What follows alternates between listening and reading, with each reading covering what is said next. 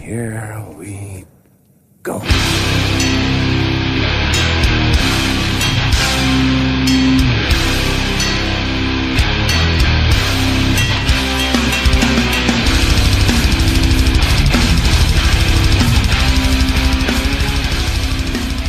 Då så, nere på noll, avsnitt 87. Vi är tillbaks. Yes! Jag, David, Robin, Robin. och Daniel. Bojaka. Fan vad bra att vi fick kör på mitt namn där, det gillar jag. Det behövs idag, jag känner mig lite halvt sliten. Men som du sa innan David, det är vilodag idag, söndag. Tvingad energi här, men det är gött. Och vi kan ju säga varför vi var tvungna att skjuta på avsnittet en vecka. Det var ju du David som var lite snorig i snoken. Och Robin som förberedde en helvetes marsch, maratonlöpning och var rädd att få några basiller på sig.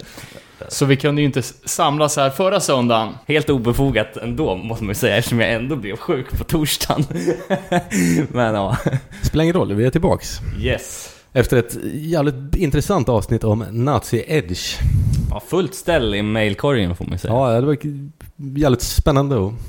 Ja, mycket bra feedback också. Är det någon som har något? Ska vi dra? Eh, Ja, jag fick in på mailen faktiskt. Eh, Det var en eh, viss Andreas Lind som mejlade in och skrev eh, Tack för en bra podd, särskilt avsnittet om Nazi Edge och fascistkår var fak- fantastiskt intressant. Eh, jag undrar om någon av er har läst eller hört talas om den här boken? Och då länkar han en bok som heter The Poetry of Punk. Egentligen tar upp meningen bakom massa punk och hardcore-texter. Eh, All right. 186 sidor inbunden, skriven av någon som heter Gerfrid Ambrosch. Eh, låter ju Klassisk universitetskt, om man säger så. Men... Eh, i, Men, i, äh, är det gammal punk eller är det... Jag antar att de inte analyserar NoFX-texter. nej, precis. Det Skulle står... man kunna göra dock. Ja, faktiskt. det hade varit kul läsning där med. Nej, det står att, eh, det står att eh, The Poetry of Punk is an investigation into the punk culture, eh, specifically in the UK and the US where punk originated in the mid 1970s. All right. Fan, det är ju en bok på gång väl? Från han som gjorde den här svenska punkbibeln. Jaha, Som ska handla om svenska punktexter. okej. Kan bli riktigt nice. Ja, verkligen. Eh, men, Äh, vad, vad var det med den boken? nej, att den var intressant och Okej. läsvärd. Och Ja. Det kan ju absolut vara någonting att beställa och eventuellt ligga till material för ett framtida avsnitt Ja. om punktexter. Det vore ju askul. Absolut. Eh, Ja, det har vi fan inte gjort. Texter är ändå kul alltså. Ja, och viktigt inom våran genre av musik. Kalle Rönner skriver på Facebook att han vet minst två aktiva nassar i NMR som kallar sig straight edge. Eh, De verkar ha noll kontakt med hardcore-svängen utan har kommit in där på straight edge via nazimusik. Eh, Mm. Och det är lite flera som har eh, också nämnt olika exempel på svenska nazis som, som, ja, som är edge eller som florerar i någon, någon typ av eh, gränsland till hardcore. Var det någon som länkade, vad fan hette han? Någon sån här gyllene... The Golden One. Ja, vilket jävla stolpskott alltså. Har du sjukaste jag sett? Ja, det var helt sinnessjukt. Jag har för mig, pratade inte Tor om det i avsnittet? Jo, eh, han Eh. pratade om det så, så vedertaget så jag tänkte att det här är någonting som alla vet. Jag hade Ja. aldrig talas om. Det var ju en ny, dimension, eller en ny nivå när man såg hur han såg ut. Ja, totalt mongo. Men, eh, Men bara för att återknyta lite snabbt då. Eh, jag såg ju på eh, Uppdrag granskning här i veckan om eh, eh svenska alt-right-rörelsen och lite sånt där. Och där pratar de just om musik versus böcker. Eh, Just att eh, nu för tiden så vill de gå ifrån att ge ut vit maktmusik till att ge ut litterära verk eftersom Men hur fan går är... det till? För ingen av dem där kan ju läsa. Nej. Men de hävdar då att eh, litteraturen är den sannaste formen av liksom ideologiskt eh, okej. överföring. Liksom. Att det är, om man gjorde en lista om man rankade så var det först. Liksom. Eh, till skillnad då från, och de använde det då som argument för att vit maktrörelsen hade misslyckats lite på 90-talet. Att just eh, det första på eh, på listan där över hur man spridde sin ideologi var musiken. Och musiken gav då inte uttryck för lika många stavelser och det, det drog inte till sig exakt samma folk som kunde attraheras av rörelsen. Liksom. Nej, 90-tals nazimusiken var eh, och inte, inte direkt för att locka intellektuella. Nej, exakt. Nej, förlåt, det var bara en parentes som jag tyckte var lite kul. Sen fick vi tips från eh, anonym lyssnare Eh, som, alltså, eh, man kan väl säga att, att det är länkat från den otroligt intressanta antifascistiska bloggen guldfiske.se. Det här är ju en riktig guldgruva för bra läsning måste jag säga. Har aldrig hört talas om förut. Men det är ju alltså en, eh, visserligen ganska svårnavigerad mylla, men det är ju tusentals, bokstavligen, texter jäkligt djupanalyserande om olika Eh, högerfenomen och eh, antifascistiska relaterade grejer. Sjukt intressant läsning. I, en eh, artikel där i alla fall så, så skrivs det om Casa Pound. Och det här är alltså eh, italiensk, en fascistisk husockupationsrörelse.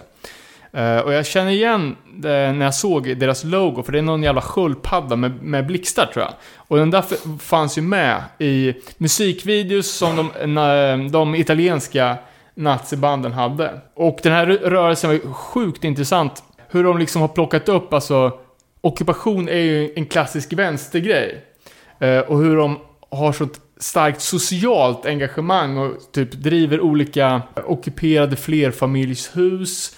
Eh, hur de har liksom understöttat, banat väg för alla de här eh, italienska fascistbanden. Och Eh, det nämns bland annat ett, ett tidigt band som hette Zeta Zero Alpha. Eh, som var starkt länkat till det här Casa Pound då. Ah, jävligt, jävligt intressant. Jag rekommenderar varmt Guldfiske. Jag ska vi länka upp på hemsidan. Det var skitmycket matig men jävligt intressant läsning. Eh, sen, apropå matig läsning då. Babs, grundare av Burning Heart Records, skrev ju, jag tror det var en eller två mindre doktorsavhandlingar som feedback på avsnittet. Jag vet inte om Babs nu positionerar han sig som en fence walker. Jag vet inte. Eh, hur som helst, eh, det första han skriver är i alla fall att NMR Ungdom gjorde en, eh, jag tror det är en YouTube-video där de gör en aktion, en anti-pride-aktion eh, som de har light metal core i. Och det känns ju bara lite skumt liksom, för vissa skulle ju säga att light metalcore, det är ju mer gay än själva pride-paraden. Eh, men, men. Eh, Sen tycker han även att det slösas lite med ordet fascist. Och det kan man ju hålla med om. Liksom, jag har fått något, det var något, något ordbokscitat liksom, om den korrekta innebörden. Jag tycker inte det är superrelevant vad det egentligen betyder i och med, ah, vad fan. När vi sa fascist om, om det mesta som var högerextremt så är det liksom bara, nej men det är ett, ett skällsord på en, en jävla idiot. exakt. Eh, Men sen skrev han även om att eh, under hans eh, sport hardcore straight edge period på ja, 86 till 89 när han bland annat bokade Youth of Today till Fagersta. Eh, så blev han eh, liksom kritiserad av då vänsterfolk som tyckte att liksom den Youth of Today-grejen, eh, ja, folk såg paralleller till, till fascism med det Youth of Today eh, predikade. Eh, och det där såg man liksom själv, jag som är uppfödd liksom på grund av det där Victory Records-banden. Ah, det, var väl många som tyckte att Earth Crisis, den är jävla fascister. Och alla andra band på Victory också. Uh, så det är ju verkligen någonting som folk, alltså, man kastar ur sig lite lättvindigt kan man säga. Ja, det var väl det som eh, Tor pratade om i avsnittet också när de hade intervjuat folk som hade, inte hade någon relation till bandet Earth Crisis men ändå hade fått stifta bekantskap med slagord och som Cleanse the Streets och sådär. Att det var väldigt liksom fascistiskt i sin natur. Uh, sen skrev jag, jag tror det var flera som var inne på det också, att YouTube, uh, att man inte ska se sig helt blind på att, att folk har många visningar på YouTube. Uh, till exempel eh, från Italien där det inte finns något Spotify och det enda, liksom, enda källan till att lyssna på musik online kan vara YouTube. Eh, så det kan vara, vara lite, lite miss, missvisande. Ja, jag har faktiskt en insight där också. Eh, en, en polares band, de dunkade in 300 spänn eh, på sin nya musikvideo för att marknadsföra den på YouTube. Och typ efter en månad så hade de 100 000 visningar på den videon.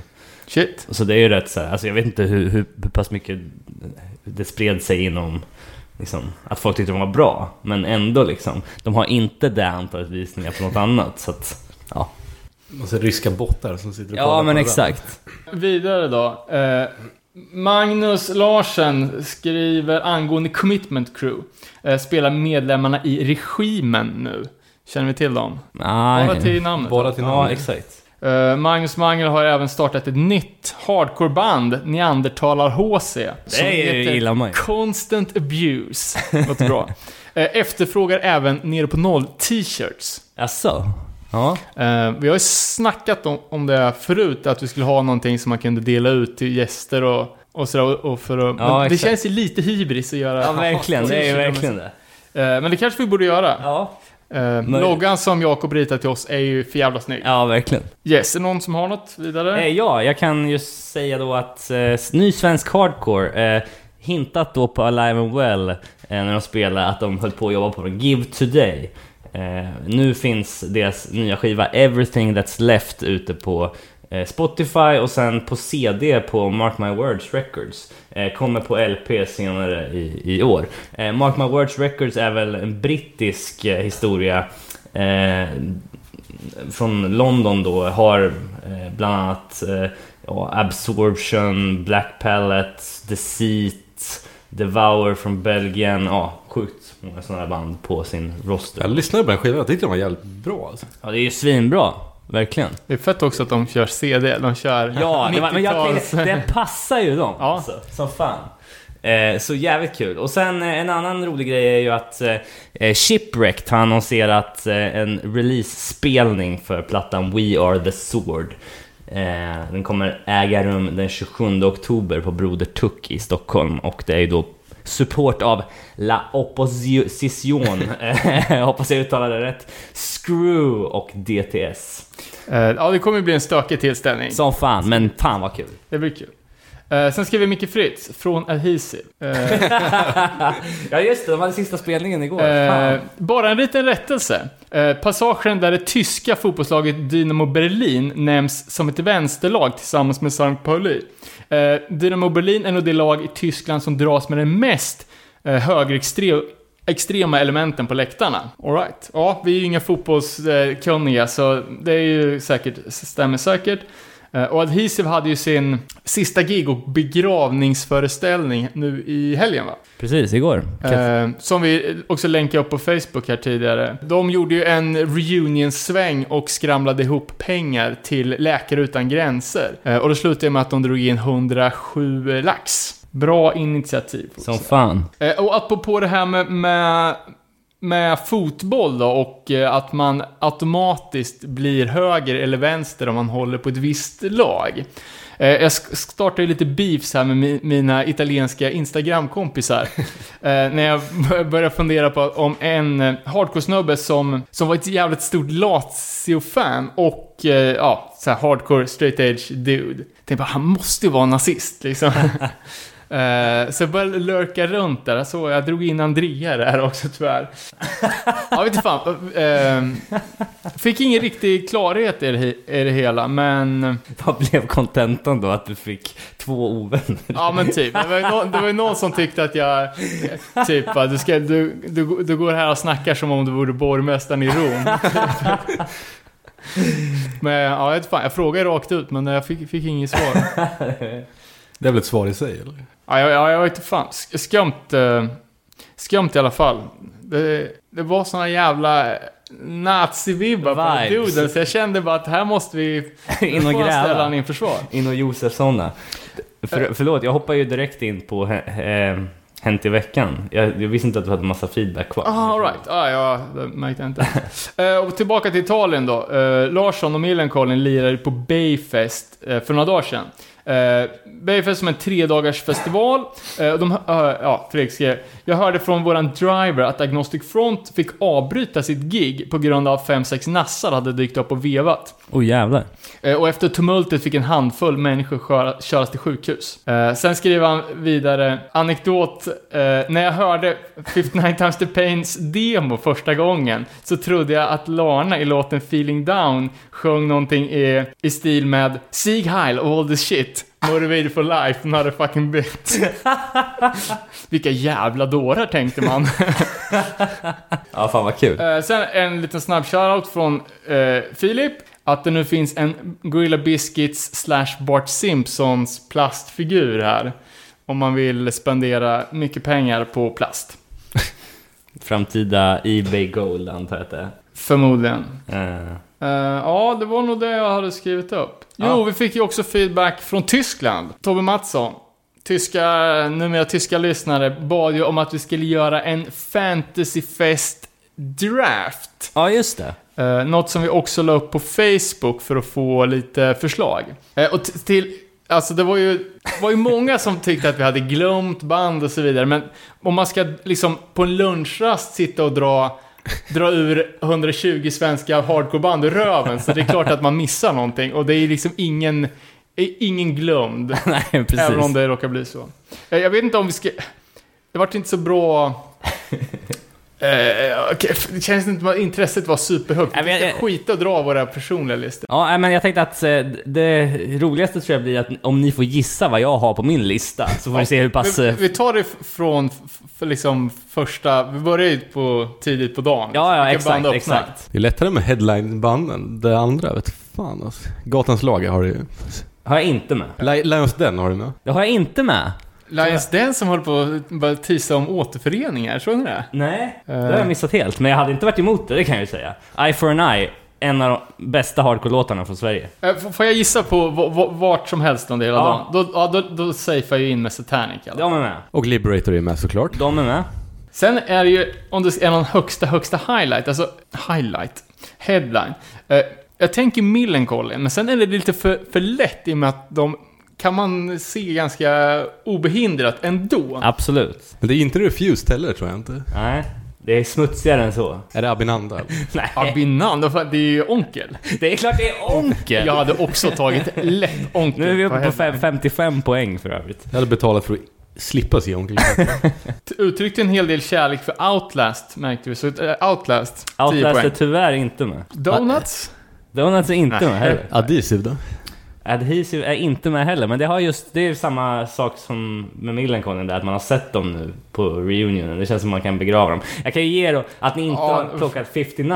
eh, Och tycker jag 59, är just det. Konstigt. Sen har vi faktiskt eh, Hårda Tider tog jag också, för att det brukar ju vara sånt jävla stök. Och det, det kan vara gött liksom. Och då är vi uppe på 80 poäng. Så tänkte jag, ja, Nasum. Vad fan, det är ju liksom ändå, det vill man ju se. Sen då? Gammalt eh, Linköpings Göteborg-band släppte sin demo 2008. Constant Failure är bästa låten på demon. Ja, jag vet inte. Stay Hungry. Är hungry. Ja. Eh, och sen då kappar ofta med Angers Curse också faktiskt. För att det brukar också vara sånt jävla bra stök. Och sen ett band som ni inte nämnde på, på 15 poäng, som jag tog med också, eh, bara för att jag aldrig har sett dem, det är Bombshell. Eh, Har du inte sett Bombshell? Nej, jag har inte det. Jag har inte haft Shit. eh, chansen. Eller jo, fan, jag såg ju på Millencolin 20 år vid eh, festivalen. Men det var ju så länge sedan, så att... Eh, Jävlar vilket bra band det är också. Ja, verkligen. Jag tyckte det var en cool, eller en rolig grej att tänka sig. Alltså, jag tänkte ju att det här skulle äga rum då på Café 44, för att det är ju den bästa lokalen. Alternativt Fagersta motell. Men Ja, ja, fett. Ja, men vad fan, vi, vi lämnar det så helt enkelt. ja, vi kan hoppa in på lite Hänt i veckan då. Eh, jag, Men jag säger att tråden är inte död, så om man ändrar sig nu och vill lägga sin, sin fantasy festival lineup så får man fortfarande göra det. Ja, det, det jag hade i Hänt i veckan bara utöver det jag sa om Give It Today och Shipwrecked, det är då att Örebro Punkfest är slutsålt. Eh, Och det är lite intressant där faktiskt, för att de släppte ju 400 tix till att börja med. Gick ju som smör, alltså vilket är helt sjukt. Alltså jag fattar inte vad de har gjort där. Nej. Men, och de ska ha det på Frimis. Frimis är ju eh, generellt om man är en Örebro-historiker så är det något av ett stekarställe. Det har ju nu blivit ombyggt. Så det ska vara ganska bra spelningar där. Vi hade ju Hatebreed där för några, något år sedan. Och, Jag har ju varit på lite spelningar där. Det är rätt bra lokal alltså. ja. Och en, Kanske inte så mycket hardcore, men för så här, punkband är det ju bra typ. Ja, just det. Ja, men det tror jag också. Sen så släppte de ju 200 biljetter till, som är uppe på 600 nu. Sen, och det sålde ju slut direkt, folk var galna. Fan vad sjukt. Så gick jag in och kollade på deras hemsida, Frimis alltså. Det står att de har en maxkapacitet på 850. Så man kan ju gissa att det kommer släppas några biljetter till. Själv har jag redan skaffat min, har ni? Nej. Nej. Jag vägrar betala för... Jag vet att pengarna kommer gå att betala Lastkaj 14. Jävla gage. Laska 14 som har släppt eh, ny, ny eh, sjua också. Låter bra. Men det säger ju någonting om liksom vad det är folk egentligen gillar. Det finns, alltså... det är ju den här landsortspunken, det är ju det som folk gillar. Ja, exakt. Och Jag kommer inte ihåg vilka det var, det var ju eh, Trubbel, DLK, Subways, Lastkaj, Subways, ja, eh, körsbärs... Fettera. Ja, exakt. Bert Karlssons nysignade storhetsband. Eh, nej men, eh, ja, det är ju det är ju sånt som går hem i stugorna. Sen är det ju bara åtta pers som lyssnar på den jävla skiten som vi gillar. Ja, ja, exakt. Det såg vi inte minst på eh, ja, spelningen jag hade sist här. Respite. Eh, det kom inte så många. Nej, Men- men det, är men det var jävligt kul. Hyggligt, hygglig uppslutning Ja, det med, var med, med 30 tappra på, Verkligen. på en fredag. Man har varit på sämre alltså. Undrar vad Eh, Bra band för övrigt. Jag lyssnade på deras demo sen. Ja, Ja, finns ju att köpa fortfarande. Eh, de har ju den på tape. Mm. Eh, som man kan beställa om man går in på Respites Facebook. Vet ni någon spelning där det har varit så jävla lite folk eller? Jag kan inte minnas att jag har varit på någon eh, de senaste åren. Det är mest för att man har gått på antingen stora festivaler eller just sådana här liksom ölhävartillställningar. Eh, Jag kommer ihåg jag såg Modern Life is War på skylten. ja, men exakt. När Sverige spelade en jävla fotbollsmatch samtidigt. Det var ju typ fyra pers där. Ja, men, men det var ju lite klassikern med, med skylten också. Jag kommer ihåg att vi satte upp Gravemaker från USA. Gravemaker som blev rätt stora med, efter att de hade släppt Time Heals Nothing 2008 kanske. Alltså det är ganska så här dompig hardcore liksom. Men då satte vi upp dem 2009 kanske. Och då kom det typ åtta pers. eh, och sen året efter, då satte Boris upp dem på skylten tillsammans med The Ghost Inside, Comeback Kid och Kvällertack. Det var alltså turnépaketet. Och då var det slutsålt.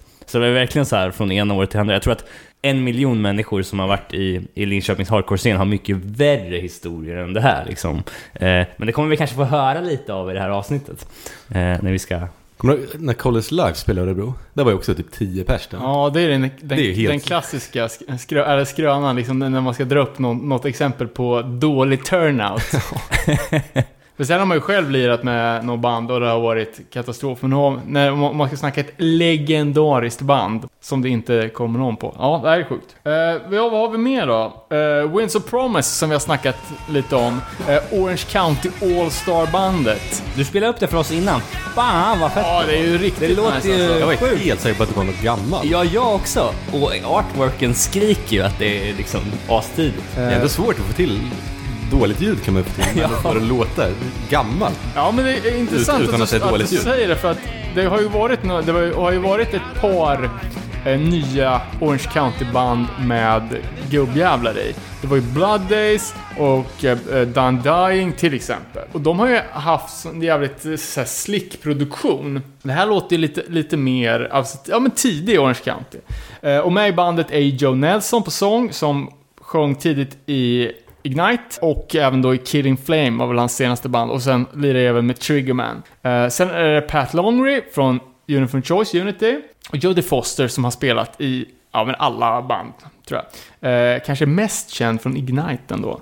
Eh, och sen en, en basist som, eh, han kommer från Orange County, det räcker bra. Mike det är fan. Eh, men det lät, lät ju svinbra. Stor pepp på det.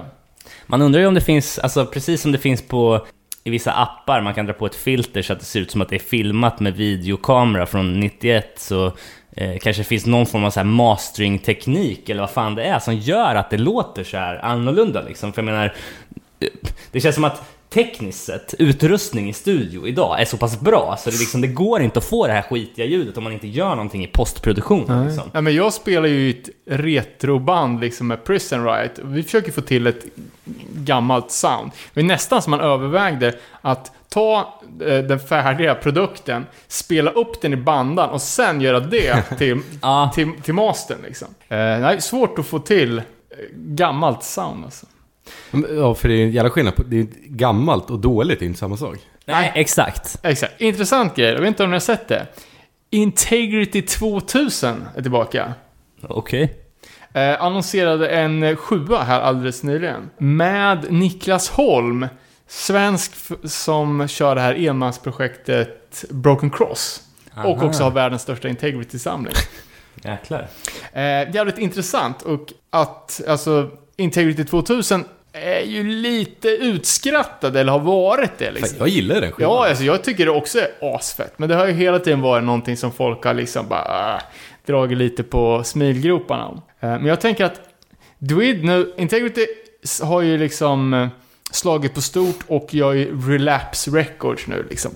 Eh, Jag tror att han är kontraktsbunden, att han inte får släppa 65 000 sjuor på andra bolag. Och Relapse vill väl inte göra massa jävla Integrity 7 hela tiden. Så jag tänker att han måste, då måste han starta Integrity 2000 med helt nya musiker och sen börja släppa en miljon grejer med det för att komma runt det här Relapse-kontraktet liksom. Men de använder ju fortfarande samma logga och samma... Det är ju skallen och allting. Ja, ja. Man får inte vara dum, vet du. Nej, svinpeppar på köpar, men det är så här. Ja, det är 24 dollar i frakt och sen blir det en Postnords jävla horavgift på 100 spänn till. Ska man betala typ så här 500 spänn för en sjua. Känns sådär kul. Eh, men man kanske gör det i alla fall i Ja, slutändan. fan. Eh, sen såg jag eh, att Braceward, gamla Richmond-bandet som inte har varit aktiva på, inte fan vet jag, nästan 10 år. Eh, har lagt upp ett trailer för kommande sjua som släpps på Triple B. Colossal. Fett att de släpper på Triple B ändå. Ja, jävla bolag att ha. Semifett att göra en trailer till en skiva. Nej men vadå? Ett litet klipp med musik bara. Okej, det, ja, det är inte någon så här. Ja, det var inget manus. Nej, men eh, jävligt fett.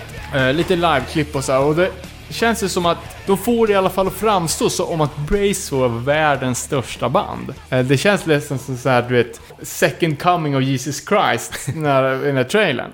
Eh, alltså, bra, solid band. Eh, Och lät ju svinbra det vi hörde från Colossus just. Colossal. Ja. Colossal, ja, Men jag har ändå inte fattat att var de så jävla stora. Nej, fett eh, att de är tillbaka i alla fall. Och andra som är fett att de är tillbaka, Engage. Eh, om ni kommer ihåg dem, Umeå-band som släppte den här splitten med Lotus Grip.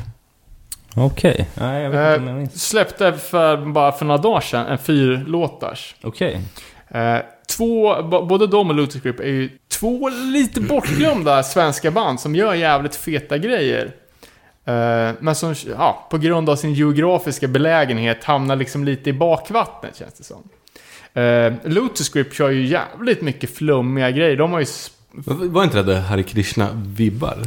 Jo, om, ja, jag skulle säga att det är någon typ, alltså tänk i uh, realmen av Turnstyle. Ja, det är, jag tycker båda de banden är skitcoola. Ska bara komma ihåg och lyssna mer på det. Ja, fett. Det får vi länka upp då. Fan, det... Ja, det kan vi jag göra. gärna Måste komma ihåg alla grejer som ska länkas här.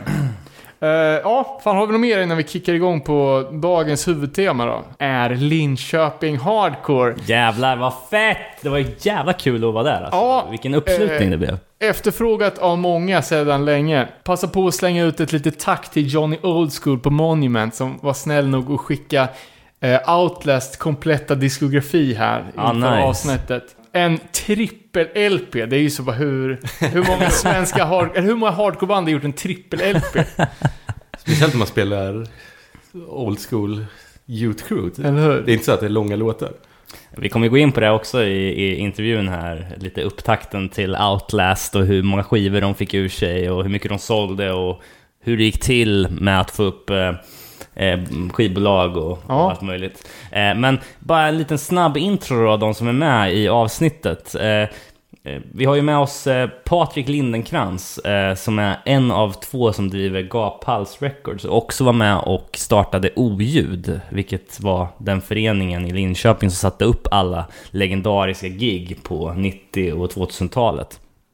Eh, och då pratar vi alltså en tidsera innan Boris kom och startade Deadfest i Linköping. Så allt som var pre 2005-2004 där egentligen. Eh, och de fortsatte även en, en del in på 2000, mitten av 2000-talet men la ner sen. Eh, så Patrik är med. Sen har vi också eh, Hammar, Mikael Hammarberg. Känd illustratör och konstnär från Linköping. Jag känns väl framförallt som en scenester får jag säga, men han, pys- han pysslar med en mång, mångsysslare. Lirat det bas i, i Lions Den bland annat. Och la ju upp en ny låt med sitt noise-projekt The Chapel Ja, alldeles okej. nyligen. Eh, Fan, han är bara... Det är bara ett telefonsamtal innan han är med i Integrity 2000 snart. Ja, det skulle jag göra. Eh, och eh, bredvid honom så satt eh, Henke från Outlast. Bridge of Compassion Records. Innan det eh, hade han ju Uprising Precis. Tapes. Eh, ja, men det kan man väl säga minst sagt en nyckelperson i eh, ja, men det tidiga Linköping Hardcore. Exakt. Eh, och bredvid honom hade vi Goran Bartol från Stay Hungry, Roswell och inte minst då Outlast. Och framförallt den tidens coolaste band, Another Reason. Ja, just det, just det. Eh, Och säkert en jävla massa band därtill. En, en riktig personlighet får man säga.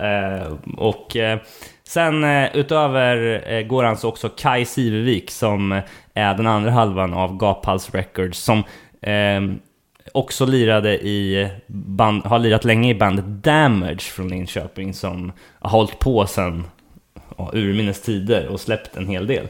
Eh, har också lirat i eh, gamla krustbandet Glöm det och eh, det något kortlivade punkbandet Black Sheep. För det var mycket, mycket band där som, som har samma namn som andra band. Ja, och det ska ju sägas också att Patrik, som vi nämnde i början, han har också lirat i eh, Linköpingsbandet Restless Nights, som ändå var ute och spelade en del. Eh, Så att, eh, men vi kommer, vi kommer gå igenom allt det här i intervjun, som väl ändå blev uppåt två och en halv timme, så att... Och, och eh, inbjudna till den här paneldebatten, men som fick ställa in var ju också Lillen och Linda. Eh, förglömma. liten shoutout. Ja, nej, men ska vi vi rulla väl bandet helt Det enkelt? gör vi, Linköping Hardcore.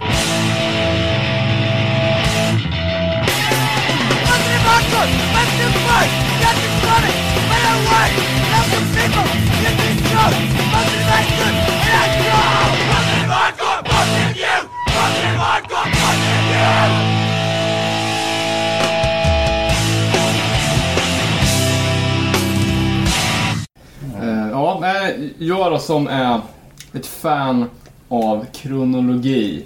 Det, och vi ska börja, börja från, från början. Vet vi på rak arm vem som har pysslat med punk och hardcore längst? Av oss? Ja. Jag vet inte. Vad säger du Patrik? Ja, just det. Jag tror det Det med. beror på vart man drar gränserna. Alltså, men mina första gig eh, som jag gick på var väl kanske 92, 93 någonstans. Här i Linköping. Den första riktiga punkspelningen som jag minns och som väl kanske blev lite avgörande var Rich Kids on LSD. Eh, och han hade Tryckte in säkerhetsnålar i nyllet och kräktes på sig själv och jag tyckte att det var det coolaste jag någonsin har sett. Och sen gick det utför. Okay. Ja, ry ryktet äh, säger ju att eh, eh, äh, RKL, att de var kompletta galningar. Galna genier. Alltså, äh, det var ju ett band släppte på, på Epitaph och var med liksom i hela den här skatepunk-vågen. Men att man senare har fått reda på att de har... De säger väl i Turn Out the Punk-intervjun att att de, de hade både prostituerade och hallickar i bandet samtidigt. Ehm, att de var typ superfuckade på droger och totalt galna. Ja. Bra första gig helt enkelt. Ja, i alla fall det första som jag så här klockrent minns. Och vad var det för spelställe då? Det var på skylten. Det var på skit. Hur länge har du satts upp spelningar där? Fugazi var ju där innan det. Ja, men, Och sen de, vad fan hette de? då? 84. Scream var ju där någon gång Ja. innan. 83, 84 någonstans tror jag de började Ja. göra spelningar på skylten. Fan, du ser ut att ha sett Sex Pistols hade spelat här. ja. Ja, nej, det var på Ja, Lorry. i stan någonstans. Ja, ja, de har spelat här, men inte på skylten. Nej, Ja, det var det som var i The Rock. Linköping i alla fall. Mm. Men då Men det 90... fanns ju ett gäng med, med no Rape Teenagers Identity och alla de. De, fan, de var ju eh, generationen före, eller vad man säger, inte generationen, men åldersgrupperna över oss som är här idag. Och de gjorde ju spelningar och det var ju rätt så mycket spelningar där en period. Var det ju. Vad heter Biff? Fan, Destroy. Ja, Destroy och han sjöng ju Rape där i början också. Och han jobbar ju på skylten. När jag kom dit, i början på 90-talet, så var det ju de som drev allt det där. Med kommunens hjälp. För eh, Rape Teenagers och vad heter Identity va? Mm. Med ett mer melodiöst. Melodiösa hardcorebandet, de måste ju ha varit bland de första banden i Sverige som spelade, ja men säg US hardcore liksom. Mm. Jo, men det skulle jag tro. Tillsammans med, ja, Rövsvett som vi pratar om ganska, ganska ofta. Ja. Bland annat. Men fa- hur, hur såg scenen ut då, tidigt 90-tal? Så fanns det en punkscen eller gick folk på de, det, de giggen som på de Alltså de som kom? jag började, de som jag hängde med, vi var ju blandade. Alltså punk, hardcore, metal, hiphop, allt möjligt. Och det känns som att alla gick på allt. Ja. Sen tror jag att det blev lite mer uppdelat efter ett par år. Det fanns ju lokala band där.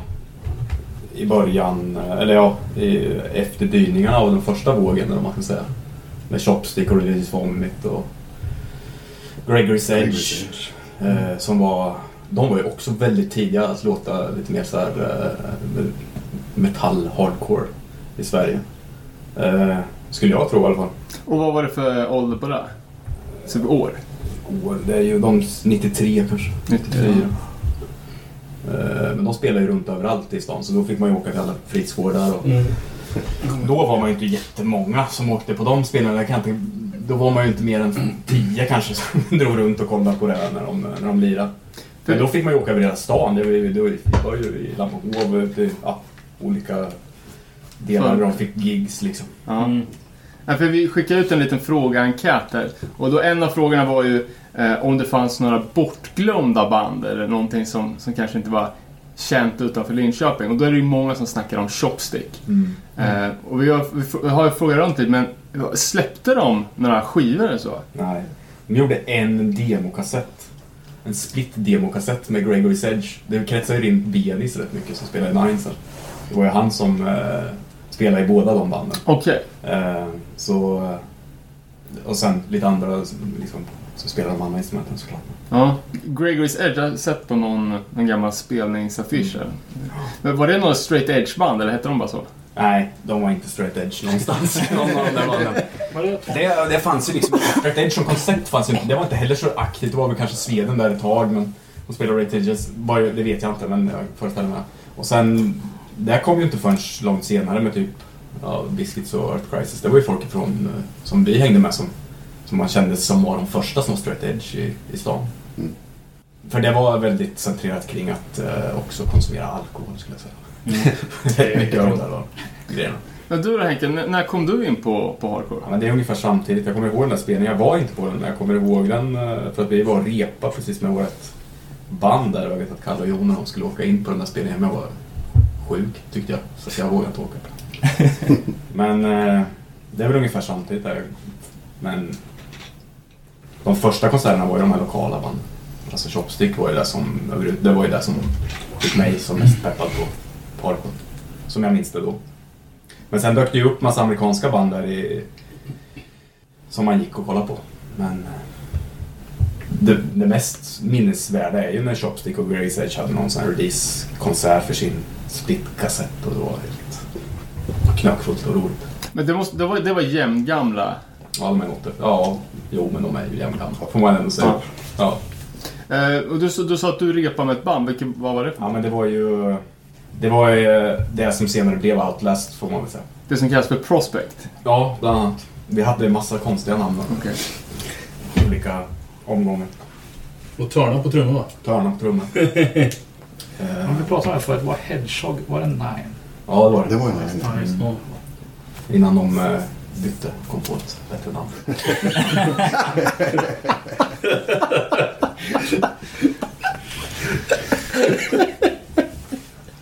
vi har ju glömt ett band i och för sig som för min del var rätt viktiga. Prehistoric. Ja, just det. Också från... Det finns på, eller? Ja, Linköping. Det Linköping. blev ju First in Line sen Mm. kan man säga. Ah, okej. Och de, de, har, de var ju sjukt bra.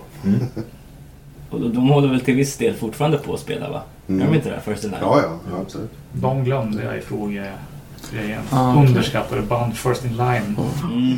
Ja, de alltid hade... varit sjukt underskattat. Alltid varit svinbra också. Men släppte de då? De gjorde en sjua med Ja. dem. Men allt de har släppt låter ju skit i jämförelse mot hur de är live.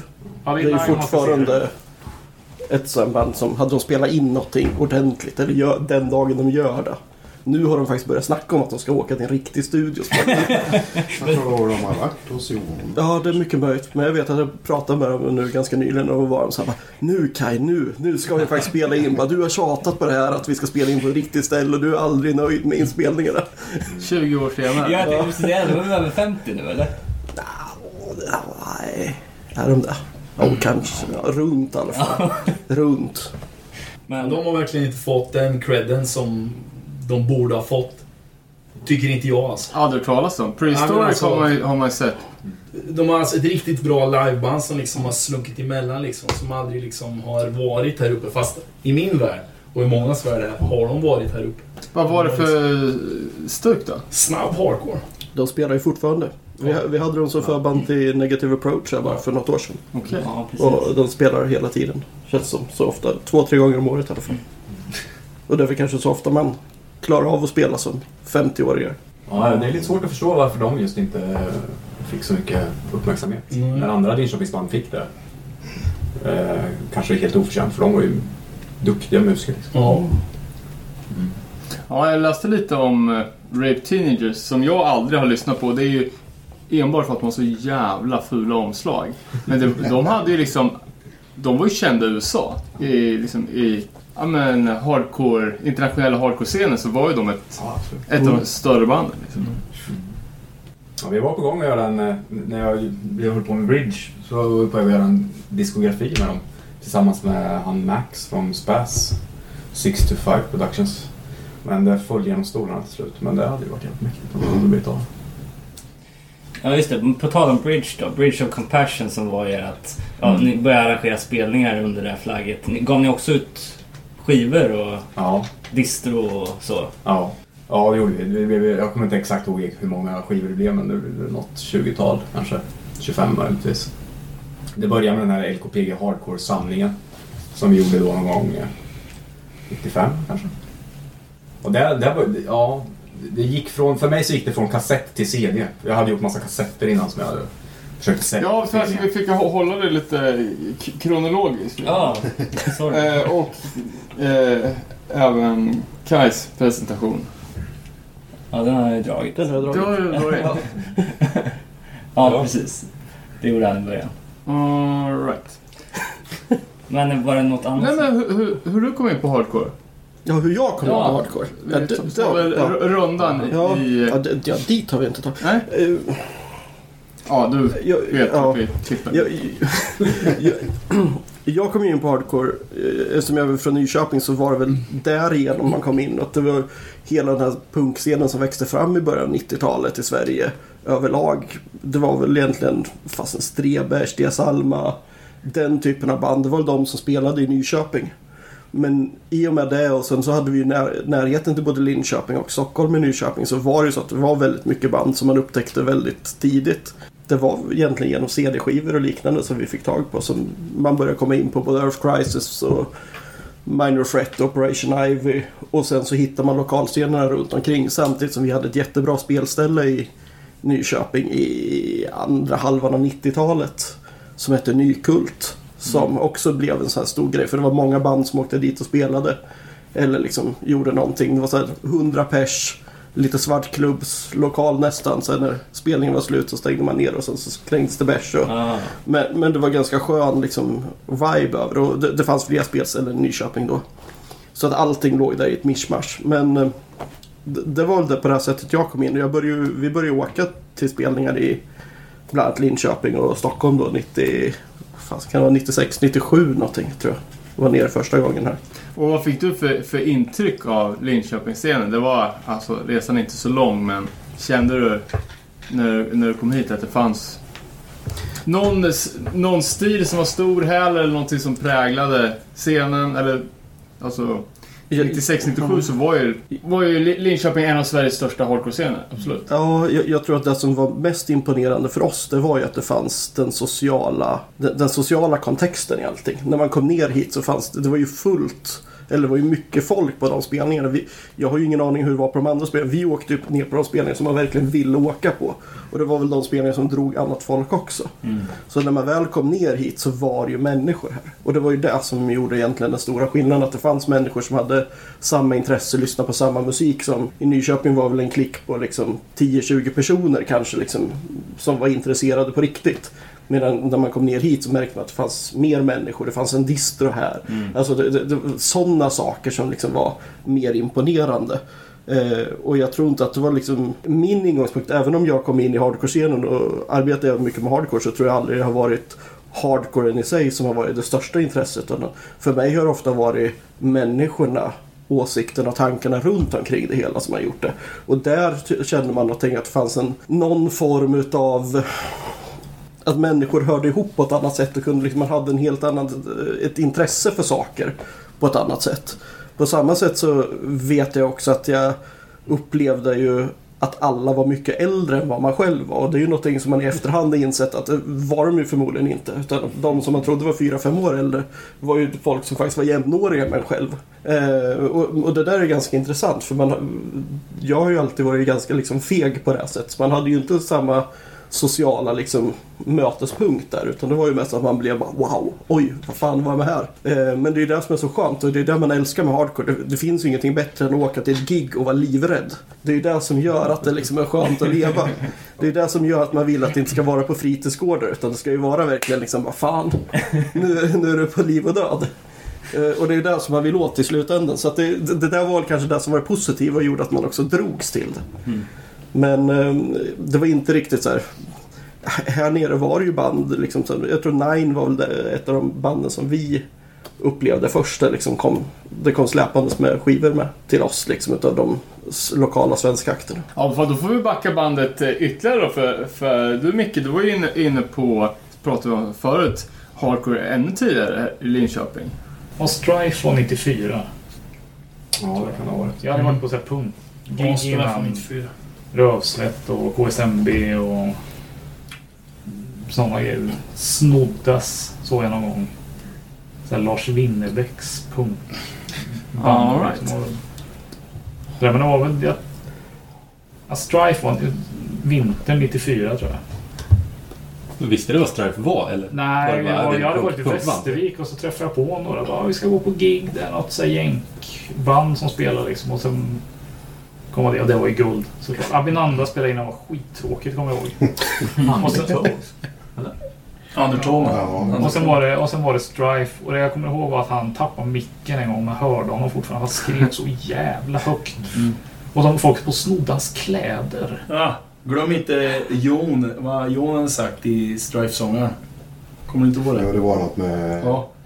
Han har han har sagt Vegan, vegan power. Och han sångaren bara No fuck that shit, no fucking power at all.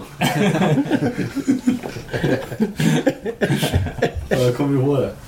Ja, Men Sen tror jag såg igenom Outlast innan. Det var också så här 94.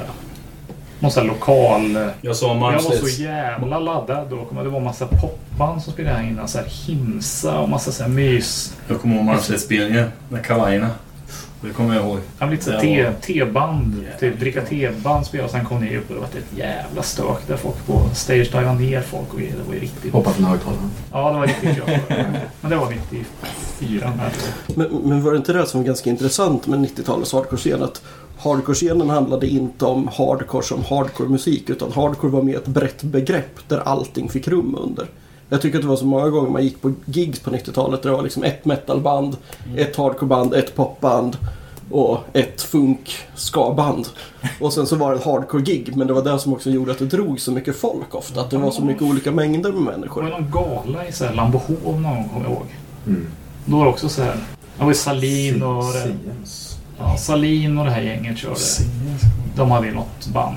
Någon kille från Malmsle på sång. Jag tror Nordan spelar trummor också. Det är väldigt mycket namn nu som inte... Men det, nej men alltså de spelade. Sen spelade Outlast spelade. Sen var det världens glapp och så körde typ Backside Mm. sist. Men ändå folk var ju kvar liksom. För det var ju så ja, det var ju gig. Då hänger man ju. Det var popband som spelade. Ja, det kan man väl kolla. Och någon hiphopband. Jag tror Stax spelade och och någon metalband spelade och så här, så det var ju det var ju mer blandat då tycker jag med, ja som du sa Kaj, det var ju, kunde ju vara men Stax och Stamina spelade ju Linköping Hardcore Fest någon gång. Någon sån. Liksom det var. Och det var ett hiphop-projekt. Ja, Men när, när, tro- när skulle ni kunna definiera att det fanns liksom tillräckligt mycket intresse för att kunna... Att det skulle bara finnas en genuin hardcore-scen och det blir så här hardcore-spelningar med bara hardcore-band. det var 95 kanske. Mm. Ja, men det är ungefär i sam, samma veva som vi släppte den där eh, samlingsskivan. Jag kommer ihåg att vi hade en releasefest för den och då var det ju nästan bara lokala personer som kom på den spelningen. För det var ju många spelningar som det reste mycket folk hit. Så att det kändes som att skylten var helt packad med 200 pers kom ju utifrån typ. Eh, Men när det var, nu hade den där releasefesten, då var det ju 300-400 personer som bodde här i stan. Liksom. Eller med omnejd då. Så Och, vi- och vilka är med på Linköping Hardcore-scenen? Ska jag komma ihåg det? Men det är Outlast, det är Nine, det är Backside, First In Line, Interlace. Interlace. Bullseye var inte med? Nej, Nej. Då heter vi Ignore. Ja, just det. Eh, ja, men det är nog de. Fyra, fem. Det är ju bara en jättekort skiva. Men då spelade alla de banden och då, då var det bra tryck, som jag minns det. Mm. Det var en av de första så här, stora lokala arrangemangen vi hade. Det Där var, ju vi så också höll i små, trådarna, kan man säga. det var ju såna små gigs hela tiden det ändå var mycket folk på. Ja. Bonn skulle ju dra så här 150 pers någon så här, en onsdag. Mm. Och så var det så här, ah, det var, kom bara 100 pers. Vi kör bredvid scen. Eller det. lilla scen när... Eh, Men vi, vi gjorde ju lite som vi ville. Alltså ena stunden kunde vi få för oss att vi skulle... eh, Vet jag var någon som bestämde liksom. Ja men vi testar att köra golvenspelning då. Vi skiter i att köra på stora scenen. Då gjorde vi det. Då var det ju helt galet de med liksom. Så att, eh, och ibland hade vi på första delen när man kom in på gamla skylten kunde man ha precis... Precis när man kom in så var scenen direkt på golvet. Nästa stund kunde vi ha eh, scenen av den andra halvan och då stageade vi folk från stora scenen och kom liksom stagediva bakifrån fast scenen var en helt åt ett annat håll. Det var så här jätteknäppt liksom. Men kul med lite ändringar. Alltså, det, jag vet inte. Det var... Vi hade den här Linköping Hardcore-fest där också någon gång 96 kanske. Där vi bara bokade svenska band. Mm. Och då var det också jättemycket folk. Men då reste ju folk hit, för det var två dagar. Så, så körde vi då på lilla scenen som vi kallar det, på sidan. Vi byggde upp en scen. Jävligt konstig idé, den där lilla lokalen. Men det var ändå det vi gjorde. Och då kändes det ju väldigt intimt och litet. Liksom. Det var, det var, Det var kul. då var det ju riktigt... Då kändes det som att det fanns, vi hade en hardcore-scen liksom. Mm. Här hade vi någonting att samlas kring. Ja, men det var... Ja. Och vilka andra städer i, alltså i södra och mellersta Sverige hade scener på den tiden? Gislaved var Gislaved, jag skulle säga. som kom.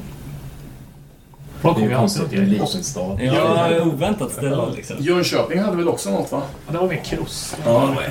Oskarshamn var ju Oskarshamn. Västervik hade faktiskt Ja. ganska mycket. Ja, men det måste man säga. De hade en, en gammal skate-lokal eh, precis nere vid havet, vid hamnen. Där vet jag att vi spelade några gånger. Det var, det var bra uppslutning. Västervik var, hade en bra scen faktiskt, då. Men vi drog ju runt i alltså, Finspång, Söderköping, Norrköping. Söderköping var ju gig massa- överallt. De hade ju något hus där. Det var Ja. där Final Exit spelade och Locust och... Ja. Alltså det, var ju, det fanns ju en hel del runt om. Så som det arrangerades konserter på också. Stockholm eh, är, är större nu än vad det var då. Enligt mig. Ja, Eh, alltså, och det kan man ändå tycka att de större städerna skulle ha, men de låg ganska lågt ner. Malmö hade typ ingenting då. Alltså vad, vad, vad jag kan säga nu. Alltså ni får rätta mig, men jag kommer inte ihåg att vi spelar många gig i Malmö. Något kanske bara. ja, vi spelade Lund en gång. någon gång. Ja, det det, kommer jag ju ihåg. senare. Men det är ju som sagt Malmö, Malmö scen är ju stor nu. Mm. Eh, men, men då kan jag inte minnas alls att de hade någonting. Jag tycker det känns som att Linköping höll ut längre med att det var massa olika band. För Stockholm vart ju ett jävla stök mellan så här punkfolk och hardcorefolk vart ju skitstökigt att det blev liksom man, får inte, man går inte på varandras gig liksom. Men jag tyckte det höll sig längre. Det, det kunde vara ett så här Det kom ju inte till Linköping tyvärr också. Det kom ju, den, den, splittning, den, den splittringen kom ju tyvärr till Linköping med. Jag kan inte, jag kan inte mi- minnas att eh, så många punkare gick på hardcore-spelning och jag kan inte minnas att, alltså i slu, jag snackar slutändan liksom på, på hardcore-scenen, att det var vice versa också. Eller har jag fel? Nej. Nej, Nej. visst. Nej men alltså hjälp mig. Alltså ni får rätta mig liksom. Jag kan inte minnas liksom att jag... Jag vet att det var så i början. Nu kommer jag in senare än vad, vad Henk och ni alla andra gjorde liksom. Men, men fortfarande vet jag att det var skillnad från när jag kom in och till liksom allting senades ut i sanden. När ni hade Mofford 7 G här, då skulle vi bli utslängda, jag och de jag var den. För vi var inte punk nog.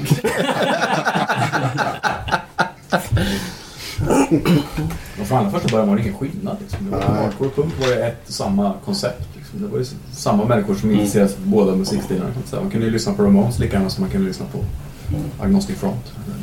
Men satte ni upp även eh, tidigt 90-tal utländska band också? Eller Mm. var det Ja, det gjorde vi. Det första var ju något eh, så här emo-band.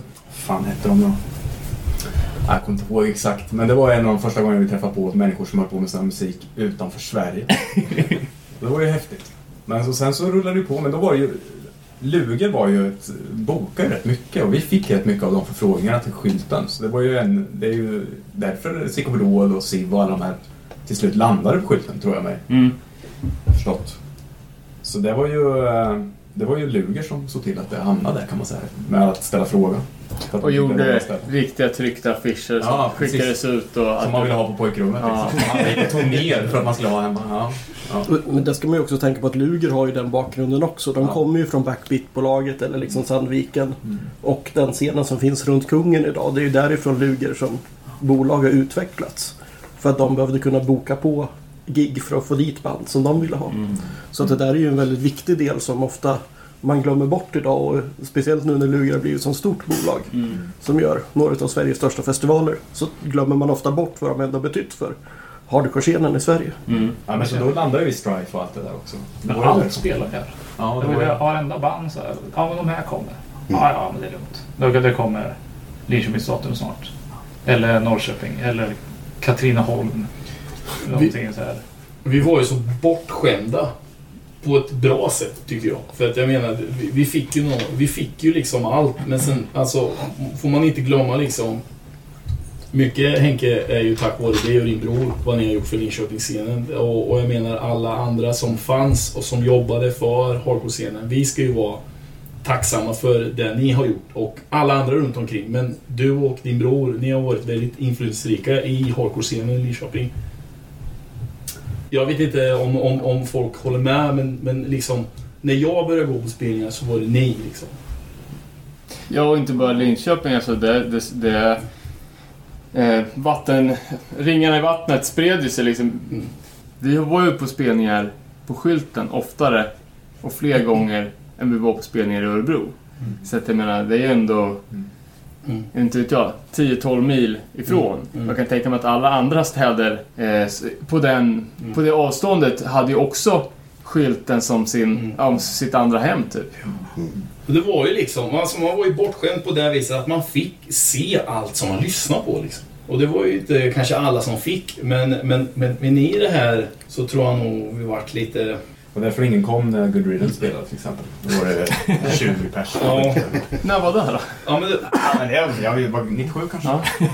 Det var mitt i alltihop. Det är så jävla konstigt att bara ett band som Good Riddance då som är hyfsat stora inte drog någon. Så här, Ja, men det var ju Good Riddance. ja. Sensfil. Då var vi så var det 20 något- pers på kanske. Det var ju något också, det var ju så här, det var ju någon mer band som, som efteråt var såhär, Get Up Kids. Ja. som var så här, exploderade och blev världens största popband typ. Och det var så här, 30 pers.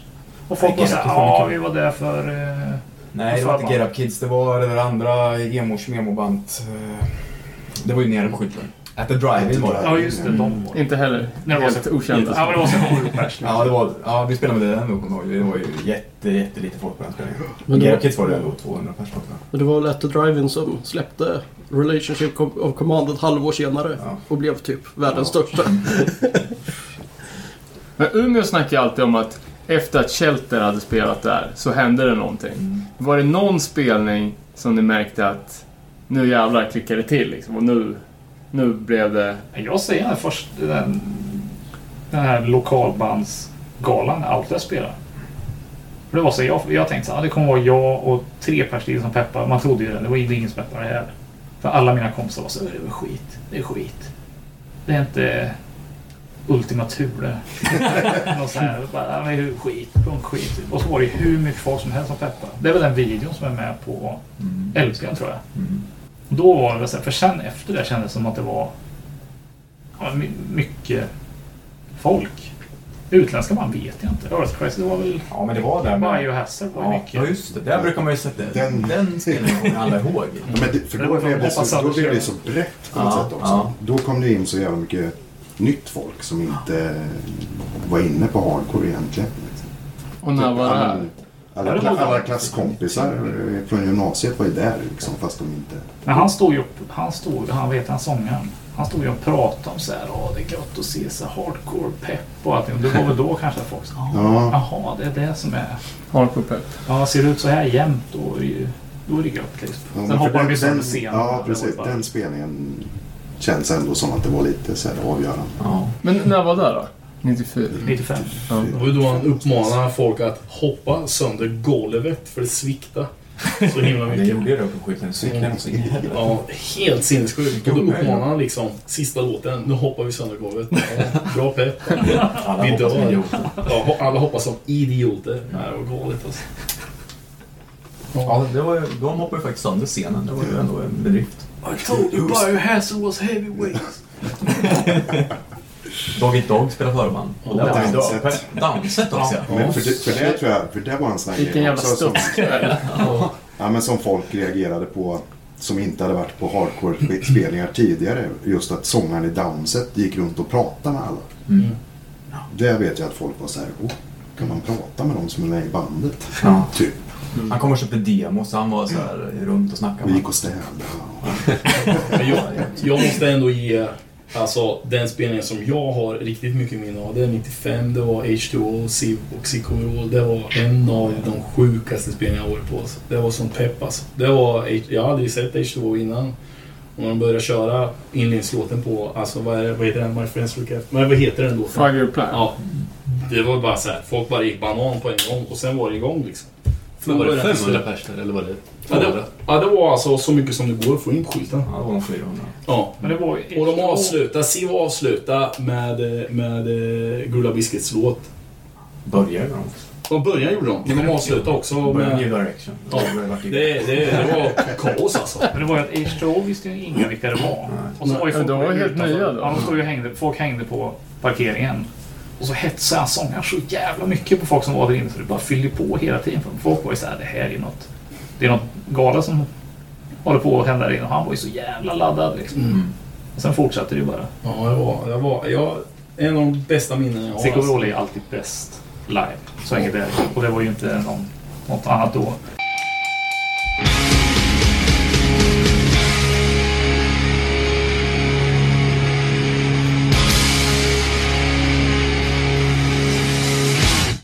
Ja, men vi har ju snackat lite om eh, spelstället Skylten, att det har funkat lite som ett hjärta i Linköping Hardcore. Så, men, vad har ni för liksom, personliga relationer? Jag har haft mycket personliga relationer till det här stället måste jag säga. Från tidigt 90-tal till, eh, Till 2005 fortfarande. kanske. Ja, för din del ja. ja. Det har ju stått still där nere jävligt länge nu men... Nej men det, jag, fan, jag hade praktik där. Jag var där varje dag. Det var liksom under tre års tid tror jag att... Som jag hade det som typ sysselsättning. Att vara där. Och sen efter det så var man ju, hade ju skivbolaget och allting som var där nere liksom. Så jag var ju där varje dag. Väldigt mycket under väldigt långa perioder. Jag, jag blir alltid nostalgisk när jag går förbi. Det är alltid eh, fina minnen därifrån. Lite jobbiga minnen ibland men inte eh, överdrivet. Mestadels är det ju bara roliga saker man kommer ihåg därifrån. Så förutom spellokal så var det, det även replokaler, var Bridge of Compassion Headquarters. Ja, vi hade varit Uprising. Tapes. Ja, Uprising Tapes dog väl ut där när vi satte igång med Bridge of Compassion som sedan blev Bridge bara. Eh, som, eh, ja, som namn. Men det, ja vi hade vårt kontor där från, eh, ja kan det varit? 98 till, Kaj tog över den någon gång. Den tog över det. Jag flyttade in 2006. Ja, Så det måste vara där någonstans. där någonstans. Då lämnade vi bara över Mm. allt dit. För däremellan var det ju oljud också. Ja, precis. Vi samsades ju. Vi hade en ny förening där sen när eh, folk flyttade härifrån när vi liksom inte mäktade med och sätta upp spelningar så startade vi en ny musikförening som blev Oljud då.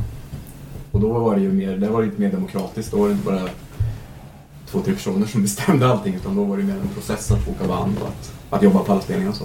Så det var lite mer en, ja som en riktig förening får man väl ändå säga. Och du Goran sa ju eh, att nu har fått knäcket som trummis i Outlast, att de tvingar dig att skolka från skolan och sätter och träna och trummor Ja, varje dag. Tänker bara garva. Nej, Du var så jävla snabb också, lärare det där så sjukt. Nej, det, var en av mina bästa tider ute. Utan att liksom... Just det här samtalet. Kalle ringer till mig mitt i natten söndag. Jag ska till skolan liksom på måndagen.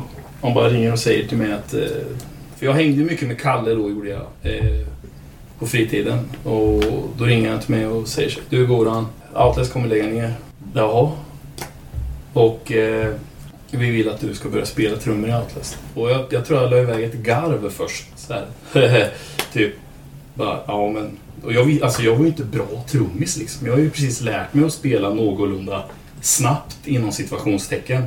Kunde inte spela entakt som Outlast spelade. Så jag liksom... Jaha, och Outlast var ju ett band som jag älskade. jag. jag röjde ju på ansiktet. Jag var ju med liksom. Det var ju peppandet nummer ett.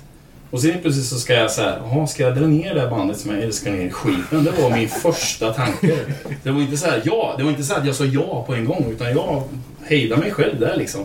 Så jag bara, ja men vi hjälper dig. Jag kommer ihåg att Kalle sa, kommer, vi kommer hjälpa dig. Nu när jag tänker på det, så ibland tänker jag, fan, jag hade nästan velat säga nej, men jag sa ja. För, för, för liksom... Då, i hotet var så här att om inte du bara spelar trummor med oss, då lägger vi ner bandet. Ja, men lite så. Kill, killarna, gjorde, killarna i Outlast gjorde mig bättre. Men det var med piska, fast med kärlek självklart. Men det var så här, Goran, för fan spela fortare, Jon. Goran, du kan inte spela trummor, Henke. Eh, Kalle sa också något spirit. Och det, liksom, det var ju liksom en, det triggar ju mig mer. Liksom. Jag vill ju inte vara den där dåliga i bandet. Så jag vart ju bättre av att de slängde skit på mig. Alltså det låter jättehemskt att säga. Men de gjorde ju mig till en bättre trummis. Som jag sa, eh, Trust-skivan var mitt första släpp. Och där kommer jag aldrig glömma när Kalle säger, när vi har repat och repat och repat. Då säger han, du Goran. Förresten, vi ska in i studion om en vecka. Och då liksom, vad Fabian säger du? Vad, vad säger du liksom? Så du vet, de har inte ens förberett mig på det liksom. Och det vart jag Outlast Trust-skivan. Det var ju mitt första släpp med Outlast. Och eh, folk hyllar den. Jag med mina trummor hyllar den inte. Jag är fortfarande inte nöjd med den. Jag tycker den går för sakta. Jag tycker att det är lite halvt som haft otajt. Men som sagt var, alltså min del var otajt. Det är väldigt eh, outstand-inspirerat, om jag får säga så. Eller vad säger du Henke? Nej men det, vi har ett outstand ju. Vi spelar in i Vänersborg. Mellan 95 och 96 här. Då får man det man får. Och det, det känner inte jag riktigt, riktigt var mitt släpp. Alltså, alltså, men men de, hade ingen, de hade inget annat. Så hade jag sagt nej då när Kalle ringde, då sa Kalle, då lägger vi ner Outlast. Jag kommer ihåg att han sa det. Jag vill ju inte, jag vill inte lägga ner bandet. Att bandet skulle lägga ner. Och jag vill inte heller liksom att... Jag vill inte heller spela trummor i bandet jag lyssnar på. Så det, liksom, jag, det var ju... Jag träffade dig dagen efter när Kalle hade ringt och du var så jävla nojig. Jag bara, kör för fan Bartol. Det är fan, kör. Men, men sen liksom... Nu idag så tackar jag mig själv att jag sa ja. För att jag fick den bästa tiden i alltså, mina tonårstider och även in i mitt tidiga vuxenliv. Eh, men sen Positive Hardcore-skivan, det var ju mitt släpp liksom. Den hade ju jag varit med och gjort från grund.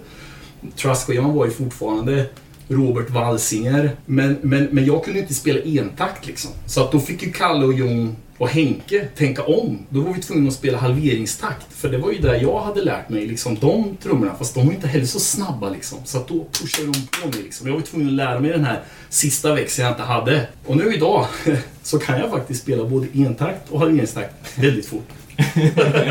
Nej, vars. Nej, men det var, det var det bästa jaet eh, kunde säga. Jag fick eh, vänner för livet och jag, jag, har, dem, jag har bara dem att tacka liksom, för att jag fick vara med. Liksom. Så att det är bara bra minnen. Men Henke, hur, hur, berätta lite om liksom bildandet av Outlast. Det är ju, alltså jag tror för, för oss i Nere på Noll-redaktionen, det bandet som är mest förknippat med, med Linköping. Och så är det nog för, för många. För många. Ja, vad, hur och var och när. Varför? Shit, ja. Herregud. Ja, men Prospect. Ja, precis. Ja, men i början, så här, Kalle och jag träffades när vi började sjuan på högstadiet typ. Och så då skulle det bildas ett band. Och då gjorde vi det och så hade vi något, något eh, ja, punkinspirerat band som hette ABAB. och det var då vi började spela musik ihop liksom. Och det, var, det är ungefär samma sak så här. De höll på att repa i, i skolans, eh, skolans musiksal. Av någon anledning fick de tillträde till den. Och då bara, ja men jag kan sjunga.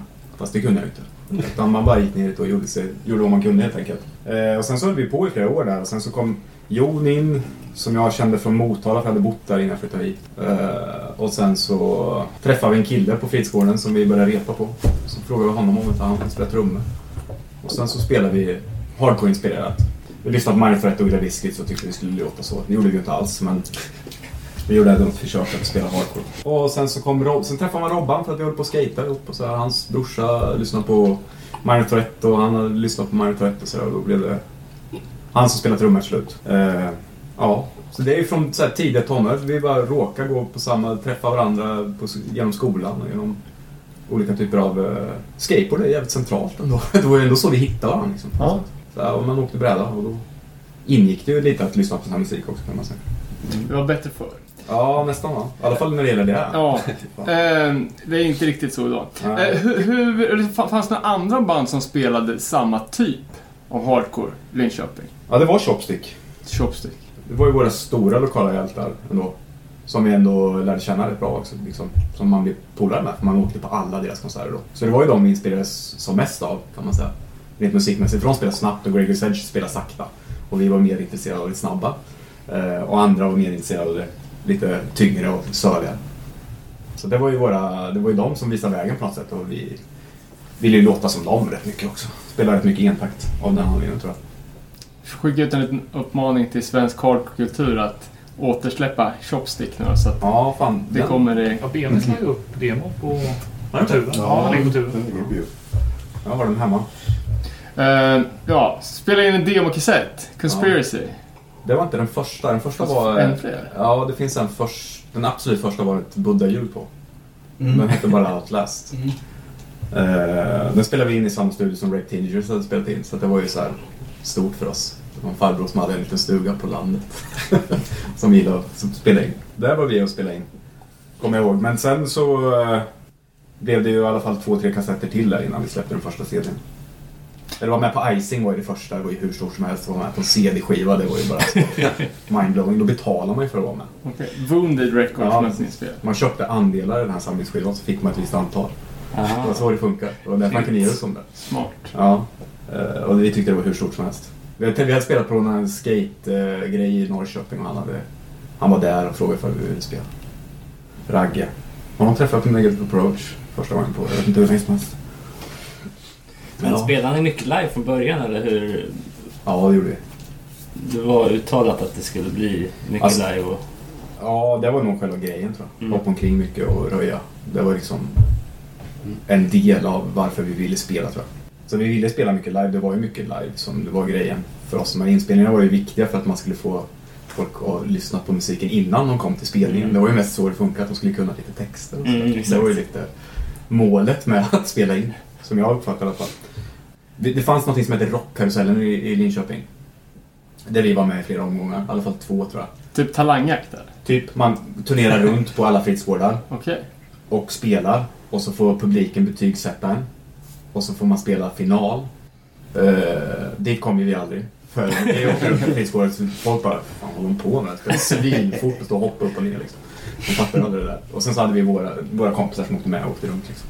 Röjde järnet. Ja, Fan vad i, kul. i alla fall ibland. Eh, så blev det så.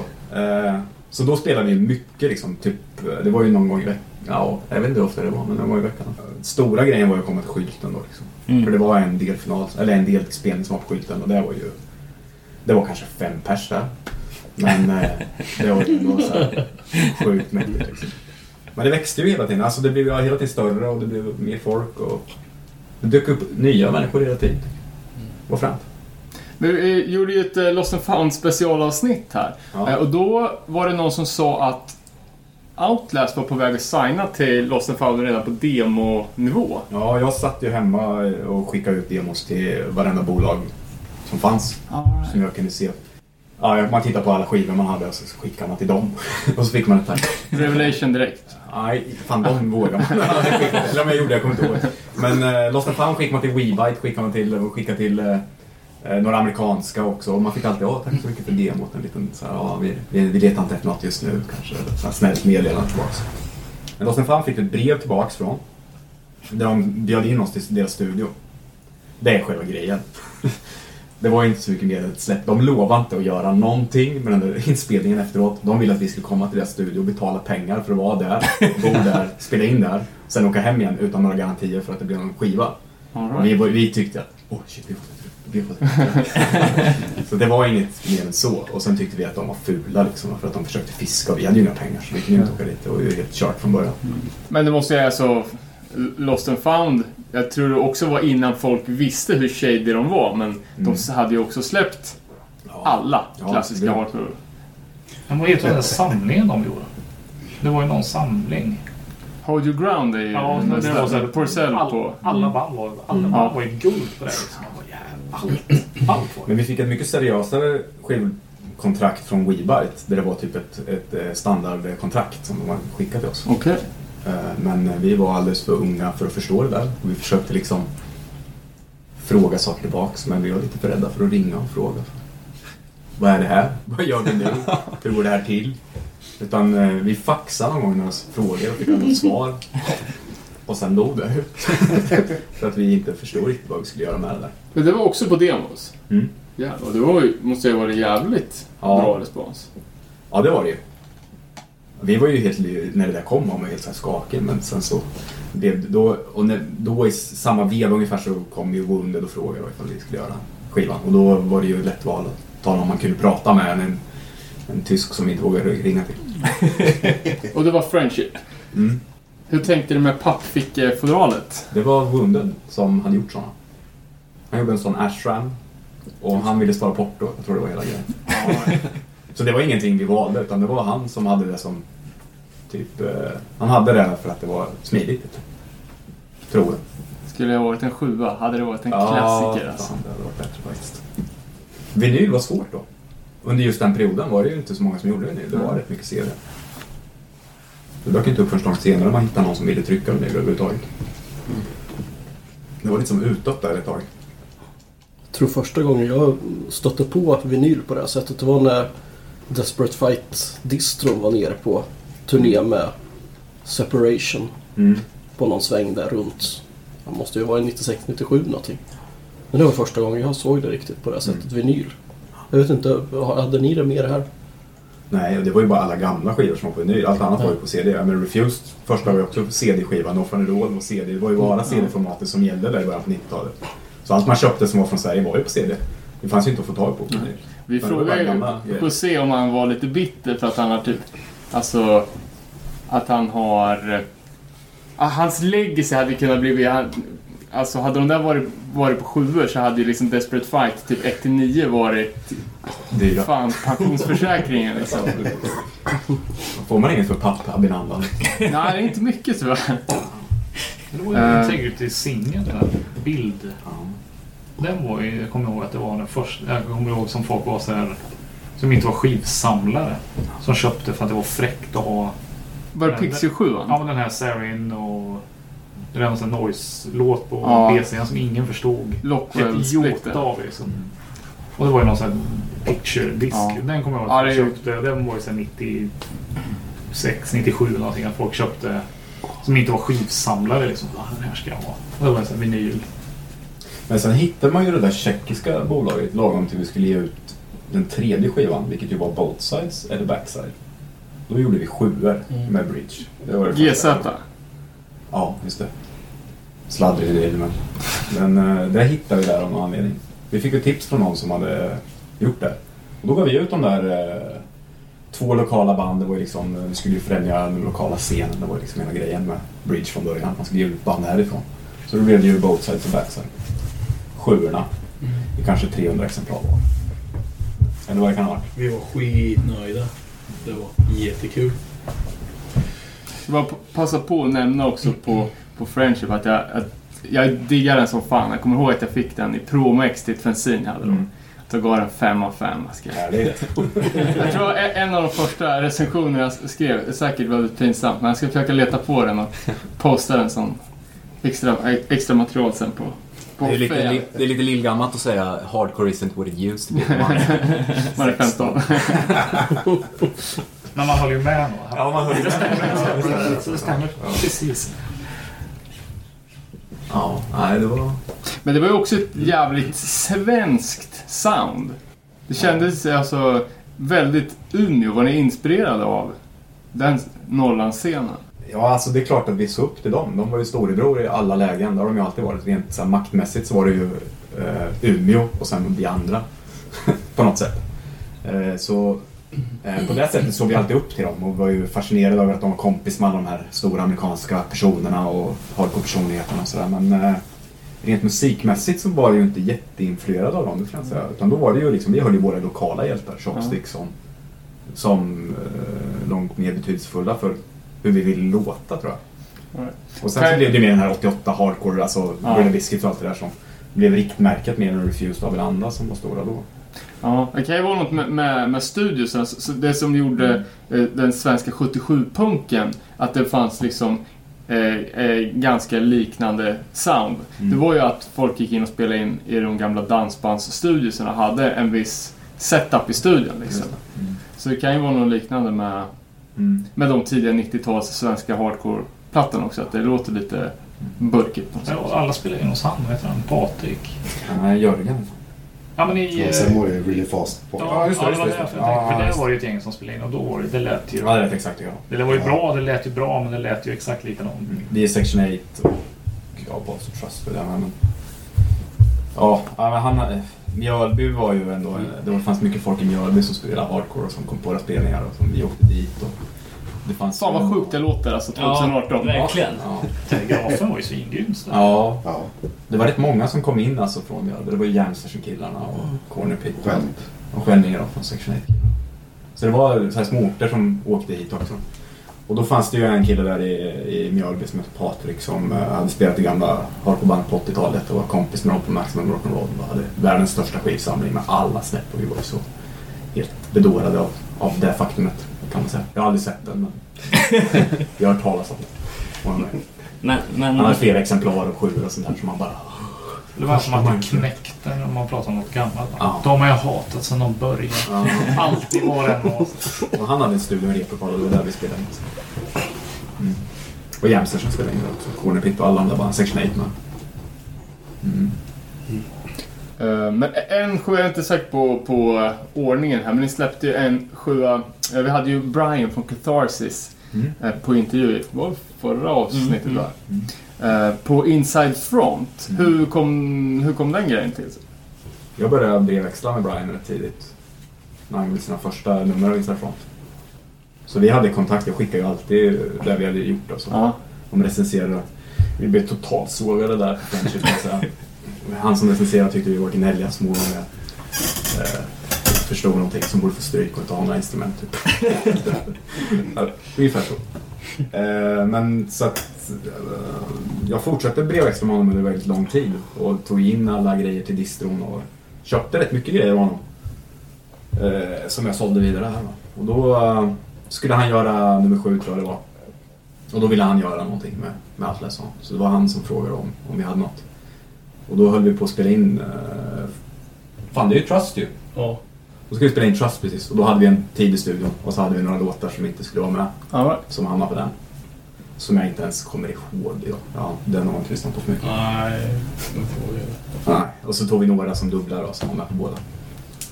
Ja, vi kom ju på här efteråt, efter den intervjun också. Något som vi borde ha frågat om, att han släppte ju även låtar med One Life Crew. Mm. Eh, skulle man ju vilja höra hur, hur, han, hur han resonerar kring det idag.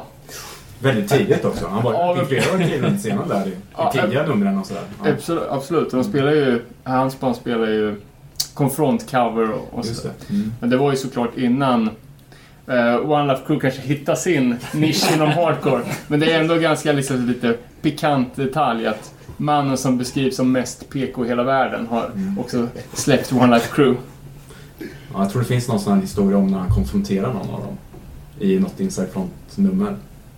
Mhm. Jag kan, nu, det kan vara något annat band, men Ja. eh, när han går fram och liksom ska prata med dem. Och det blir, eh, han beskriver då hur det har gått till. Mm. Ja. Ja, det låter intressant. sen hade väldigt stor betydelse skulle jag säga för min del i alla fall. Jag var otroligt fascinerad över saker han skrev. Otroligt fascinerad över det. Så Han släppte väl- mycket Henna med. Ja, de absolut. amerikanska...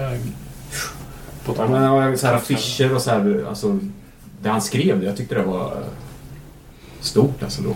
Jag, I de unga, ung, ja vad kan man ha varit, 20 år kanske. Ja, ja, det är ju väldigt fascinerande. Har läst lite Crime Think och Mm. de grejerna liksom och han, hela hans approach till livet. Mm. Tycker han säger det så jävla fint. Eh, han snackar liksom om hardcore, så här, bara, ah, hardcore är, det är så jävla gött. Men det blir ännu bättre om du bara 100% viger ditt liv till total rebellion. Mm. Liksom bara, fan jag åker inte bil, jag går inte på asfalt, jag köper inte mat. Mm. Då blir hardcore som bäst. så jävla rått alltså. Ja. Uh, ja, fan. Positive Hardcore, Positive Youth. Det måste ju vara en av de största hardcore-klassikerna, i alla fall i, i modern tid. Um, Ja, stora ord tycker jag. ah, det, är, det är fan en, en jävla banger. Banger till 10-tummare. Uh, det kändes på något sätt som att det inte var, alltså det var lite med glimten i ögat, stämmer det? Ja, absolut. Det var det ju. Vi var ju så jävla taggade kommer jag ihåg när vi satte oss i den här bilen och åkte iväg för att spela in den där. Och jag tror nog aldrig att en skiva har spelats in fortare än vad den där gjorde alltså. För du vet, vi repade så himla mycket på den där. Du vet, låtarna satt så här. Så här. Och jag hade ju liksom det här agget fortfarande med mig själv, mina inre demoner från Trust-skivan. Det ska inte bli så dåligt från min sida. Så att liksom, alltså det gick så fort att spela in den skivan. Och jag kommer ihåg Henke, eller vad säger du? Ja. Och du vet sen bara, vi är klara.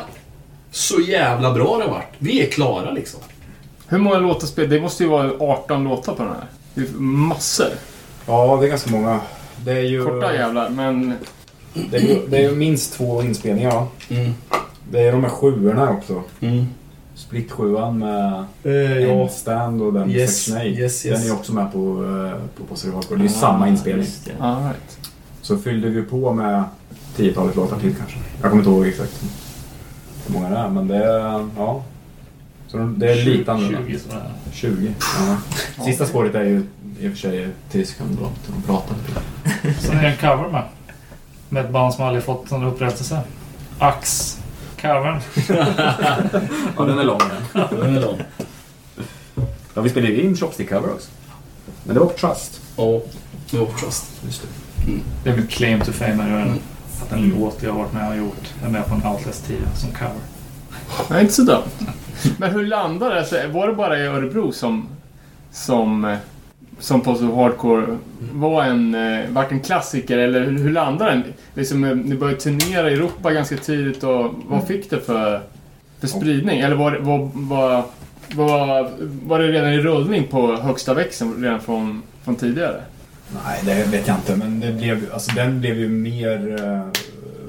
bättre mottagen kan man säga. Och publiken den sålde ganska bra. Mm. Vi spelade ju mycket på den. Otroligt mycket. Jag tror att det var ju liksom... Då kunde vi spela varenda liten håla. Och varenda liten håla hade en distro. Och där fanns våran skiva liksom. Mm. För att de köpte in den eller för att de såg till att byta lite eller sådär. Så att den... eh, Ja men den spreds rätt bra gjorde den. Jag var jättenöjd när kom- vi hade varit i Tyskland. Vi bi- bilade ner till Tyskland. Åh du, den spelningen. Alltså omsla, omslaget på tian. ja. Omslaget på tian. Eh, i, ja, du kan säkert Dennis, men, men jag kan börja så kan du fylla på om jag missar. Men det, är, det här är den mest bisarra resan vi någonsin har gjort. Enligt mig. Ja. Vi åker ner för en spelning.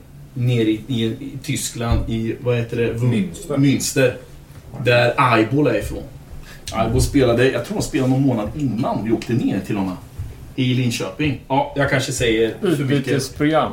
Ja, i vilket fall som helst. Aibol var ju stora då från Münster. De var ju ganska stora liksom i Europa och så också. Och så tänker man så här, åker vi ner liksom till ett, till ett träsk där vi egentligen inte har någonting att göra i. Eh, för det var ju liksom en helt annan musikgenre, alltså inom hardcore-scenen.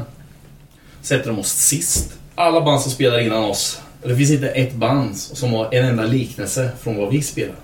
Fasen kan de sätta oss sist av alla band? Så börjar ju vi dividera, kommer jag ihåg liksom. Varför sätter de inte oss tidigare liksom? De känner inte till oss överhuvudtaget.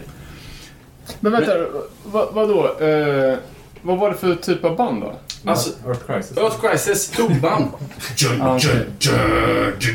Ja, jag tänker för att eh, Eyeball var inte jättestort. Nej. klipp. Ja, Men, ja. men Eyeball var ju stora där. Och Fast menar, ja, jag förstår. den typ av genren som Eyeball spelar var, försökte ju många band, jag vet inte, efterlikna eller låta som, eller om det var den genren. Den europeiska Youth Crew Revival. Ungefär. I vilket fall som helst så tänker vi så här, jaha okej grabbar, hur gör vi liksom? Jag kommer ihåg att det, om det var no, Henke, Jon, någon sa liksom, hur börjar vi? Ja men vi kör sättet som vi kör hemma i goda, vida Sverige liksom. Så vi öppnar alltid med New Direction, Gula Whiskys. Och då tänker jag, men ska vi börja med, ja, ja, ja men vi gör väl det liksom. Sen blåser vi igenom vårt sätt och det var liksom startskottet till ett kaos. För det vart varit tokmos.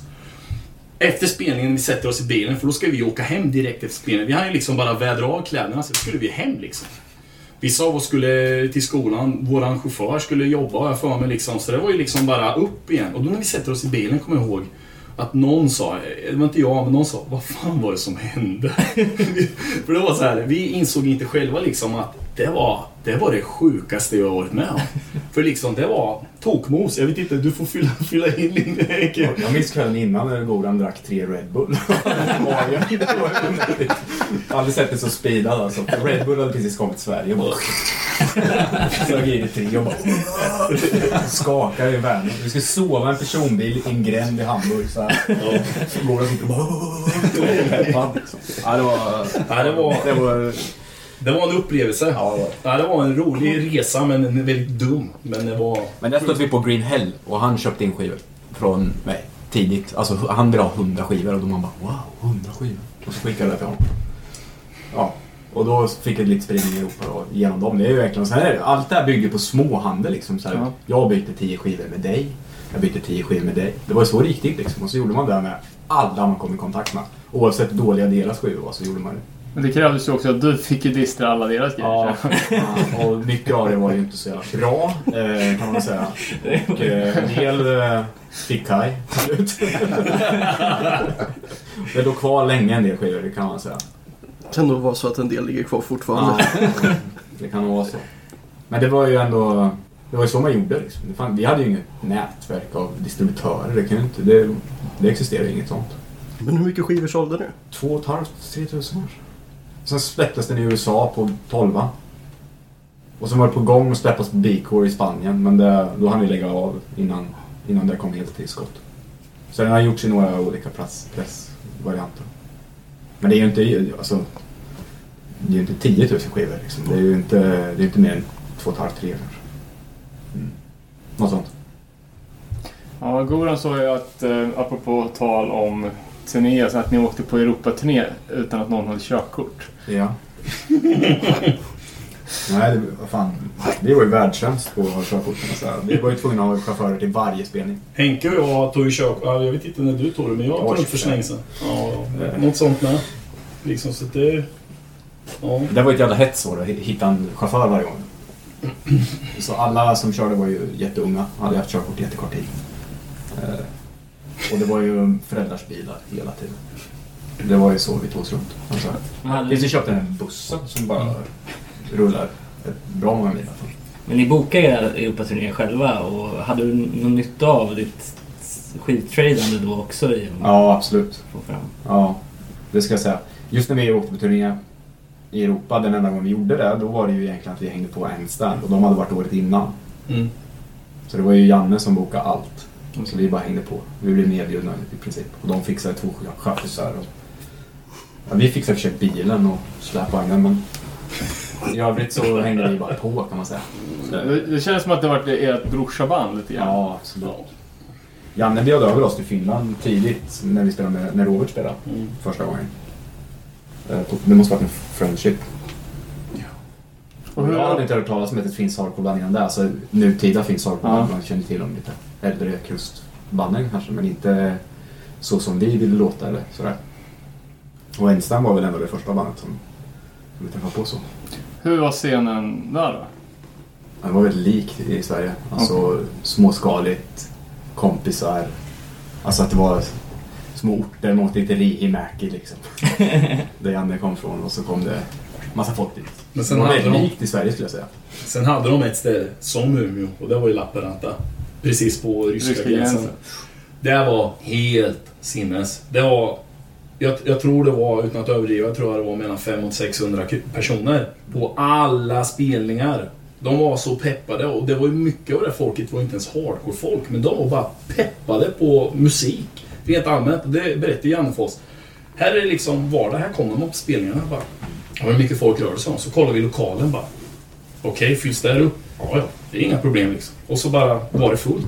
Det var ju helt galet alltså. Så det var häftigt. Men sen var det ett par som alltid visste med till alla spelningar vi gjorde i Finland. Mm. Som vi ju lärde känna. Mm. Som åkte med på varenda. Ja. Ja. ja. Eh, blev ni inspirerade av Endstands liksom, musikalisk? Jag tänker på sista sjuan, eran.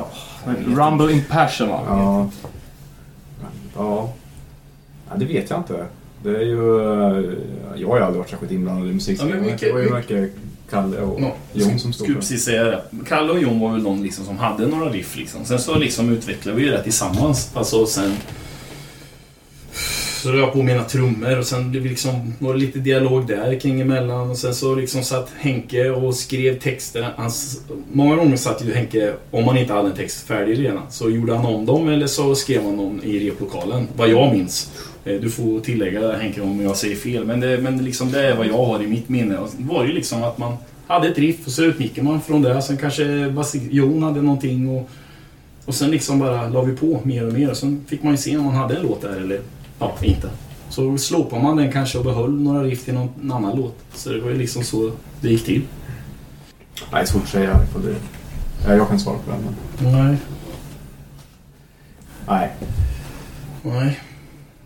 Men ja, det var inte så länge sedan det var ett reunion-gig och efter det kom väl eh, This is LKPG Not Umeå Mm. eh, diskografin som enligt Monument fick eh, jävligt Ja, den landade jävligt bra. Mm. Eh, och han sa att han skickat skivor till Malaysia och sålt bra i Japan och så. Mm. Finns det Finns det chans för mera gigs eller ska ni återföreningsturné worldwide? Nya plattor? Nej, det, det finns inga... Nej, jag, tror, det, jag betvivlar det. det kommer inte bli. Vi är väl på så olika... olika alltså vi, är så, vi är så långt ifrån varandra, tror jag, just nu. Eh, som sagt var, jag... Den kontakten jag har mest, det är ju med Henke. Eftersom han är till och med på den arbetsplats jag jobbar en gång i veckan. Och lite så, och liksom lite sånt. Men, men Kalle och Jon, det är ju vagt enligt, alltså från min sida. Kanske någon gång på nätet, men annars så... Vi lever olika liv just nu. Så att det, Men om Boris skulle ringa och erbjuda 10 000 då skulle ni inte säga nej. Jo, vi skulle nog det. I dagsläget skulle vi nog det. Ja. Ja, det är, Ja, nej, det kändes som att sista gången, det var verkligen sista gången. ja, Så kändes det verkligen. ja. Kanske till och med en gång för mycket. Kanske till och med en gång till. Enligt mig. Det kanske... Ja, det var ju kul och så, men eh, ja, vi kanske skulle ha tackat nej även då. Ja. Men nu har det hänt och vi får gilla läget med. Mm. Vi får hoppas att eh, folk har det här minnet av oss från andra spelningar och inte sista.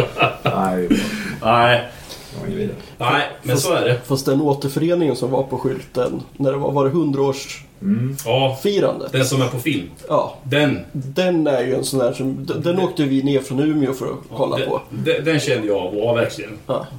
den sista med sen allt annat efter. Men, Ja, men den är ju sån, det, den känns som den som bra inramning också för väldigt mycket vad scenen här nere var på ett sätt. För det var där som den liksom någonstans pikade och sen så kanske dog ut. Ja, det ja. sista liksom. Att Ja. Det var lite spiken i kistan men det var också en, en så jävla fin hejdåfest på Mm. något Ja, det sätt. var det verkligen. Men vad var det för spelning? 100 år av skylten? Vi fyllde ju Nej. 25. Vi fyllde 25 år. Jaha, personerna. Ja, så det blir det 100. Ja, ja. Fyra. Eh, och då sa vi det, vi har en 100-årsspelning. Jaha, vadå 100 år? Ja, då fick ju personen... Jag vet inte vem då som kom på den idén. Var det Jon eller du eller Kalle? Det var inte jag. Nej, det var Jon eller Kalle. Ja. Det Och var, då sa vi, ja, ja. det var inte för, det var inte mitt initiativ var det inte, utan det var någon, eh, det var någon förmodligen Jon eller Kalle Mm. som kom med idén. Mm. Och, eh, nej fan den var ju helt galet. Det var alltså, det var alltså folk alltså, rörde på sig innan vi ens hade gått upp på scenen. Det var så här, folk var så överpeppade så vi förstod inte själva vad det var som höll på att hända. Liksom där. Så kom vet jag att jag kom upp först på scenen och gjorde min sak och, och sen satt jag bakom trumman. Jag fattade liksom inte sen liksom. När sen Henke, eller när jag började räkna in och sen Henke började, då var det var som att folk kunde ju inte liksom röja, alltså, eh, alltså för det var så packat. Det, ja, det ser man ju på, på filmen. Men folk var så glada och glömmer aldrig favorit i repris. Henke tappar sina glasögon i publiken och folk stannar upp och bara ger honom glasögonen. Bara det är helt sjukt tycker jag. Men nej, jag var sån, det, var sån, det var en hardcore-spelning. Som den ska vara. Det var bara pepp, alla var glada och var bara peppminnen och... Nej, det- det är svårt att förklara. Men det lät som en lite annorlunda reaktion än Plektrum-historien Ja. som vi har hört talas om. Direkt den historien. Förlåt Henke, det var jag som... Har du? Jag, jag, jag sa att vi måste fråga Henke om Plektrum-historien. Ja. Death Plektrum. Nej. Du ska berätta om den? Ja, gärna. jag kan ju inte spela bas. Men jag gjorde det ändå. Och sen så spelade vi på golvet där eh, en sommar. Det är är så här bara spontanspelning. Så vi har spelning ikväll, kommer ni ner? Och så kommer det 150 pers. Och bara, det bara sprids. Ja, det var helt sjukt. Med Bonzo Trust. Ja, helt sjukt. Och vi skulle ju vara något eh, lite hårdare och lite tuffare tyckte vi. Madball. Lite mer madball. Judge. Mer, eh, ja. Jag vet inte vad de ville att det skulle vara. Av någon anledning så fanns det något typ eh, crew som kallades LNL. Som, som eh, vi tyckte var, det tyckte vi var lite häftigt. Att de, Mm, de, var, de skulle komma på våra spelningar. De hade så scarfs. Alltså. Mm. Ett hardcore crew. Mm, de hette Los Niños Lobos. Eller nej. Folk har ju till och med tatuerat på sig. Det är John. Bland Men- men i backside. Ja, alltså det, det var ju liksom... Ja, det, nu försöker jag undvika själva kärnhistorien här. Ja, jag spelar bas och sen så håller jag på emellan låtarna och så ska- sätter jag plektrummet i munnen. Och så säger Kalle något roligt. Jag vet inte vad han säger, men det blev nästan slagsmål och så, så försöker han lätta upp stämningen sen så han säger något roligt. Och då så drar jag in och så fastnar plektrumet i halsen så här. Och jag får ingen luft. Så jag kan inte andas. Jag står på, alltså, på golvet då, men i alla fall på scen inför alla de här människorna. Och jag bara dreglar ju för jag bara, "Åh, kan inte andas helt enkelt. Så jag går fram till Kalle och lägger armarna runt magen på mig för han ska trycka och göra en sån Heimlich. Och han trycker för löst. Så det händer ingenting. Och jag bara, då blir det bara värre och värre liksom. Jag kan inte andas. Och då kommer det en kille från publiken eh, upp och så, nej men så här ska du röra. Och så bara trycker han till åt helvete och då bara, puff, flyger det loss. Och sen sväljer det och det gjorde så jävla ont. Och sen direkt efter så, ja, någon som har plektrum och så ska det vidare.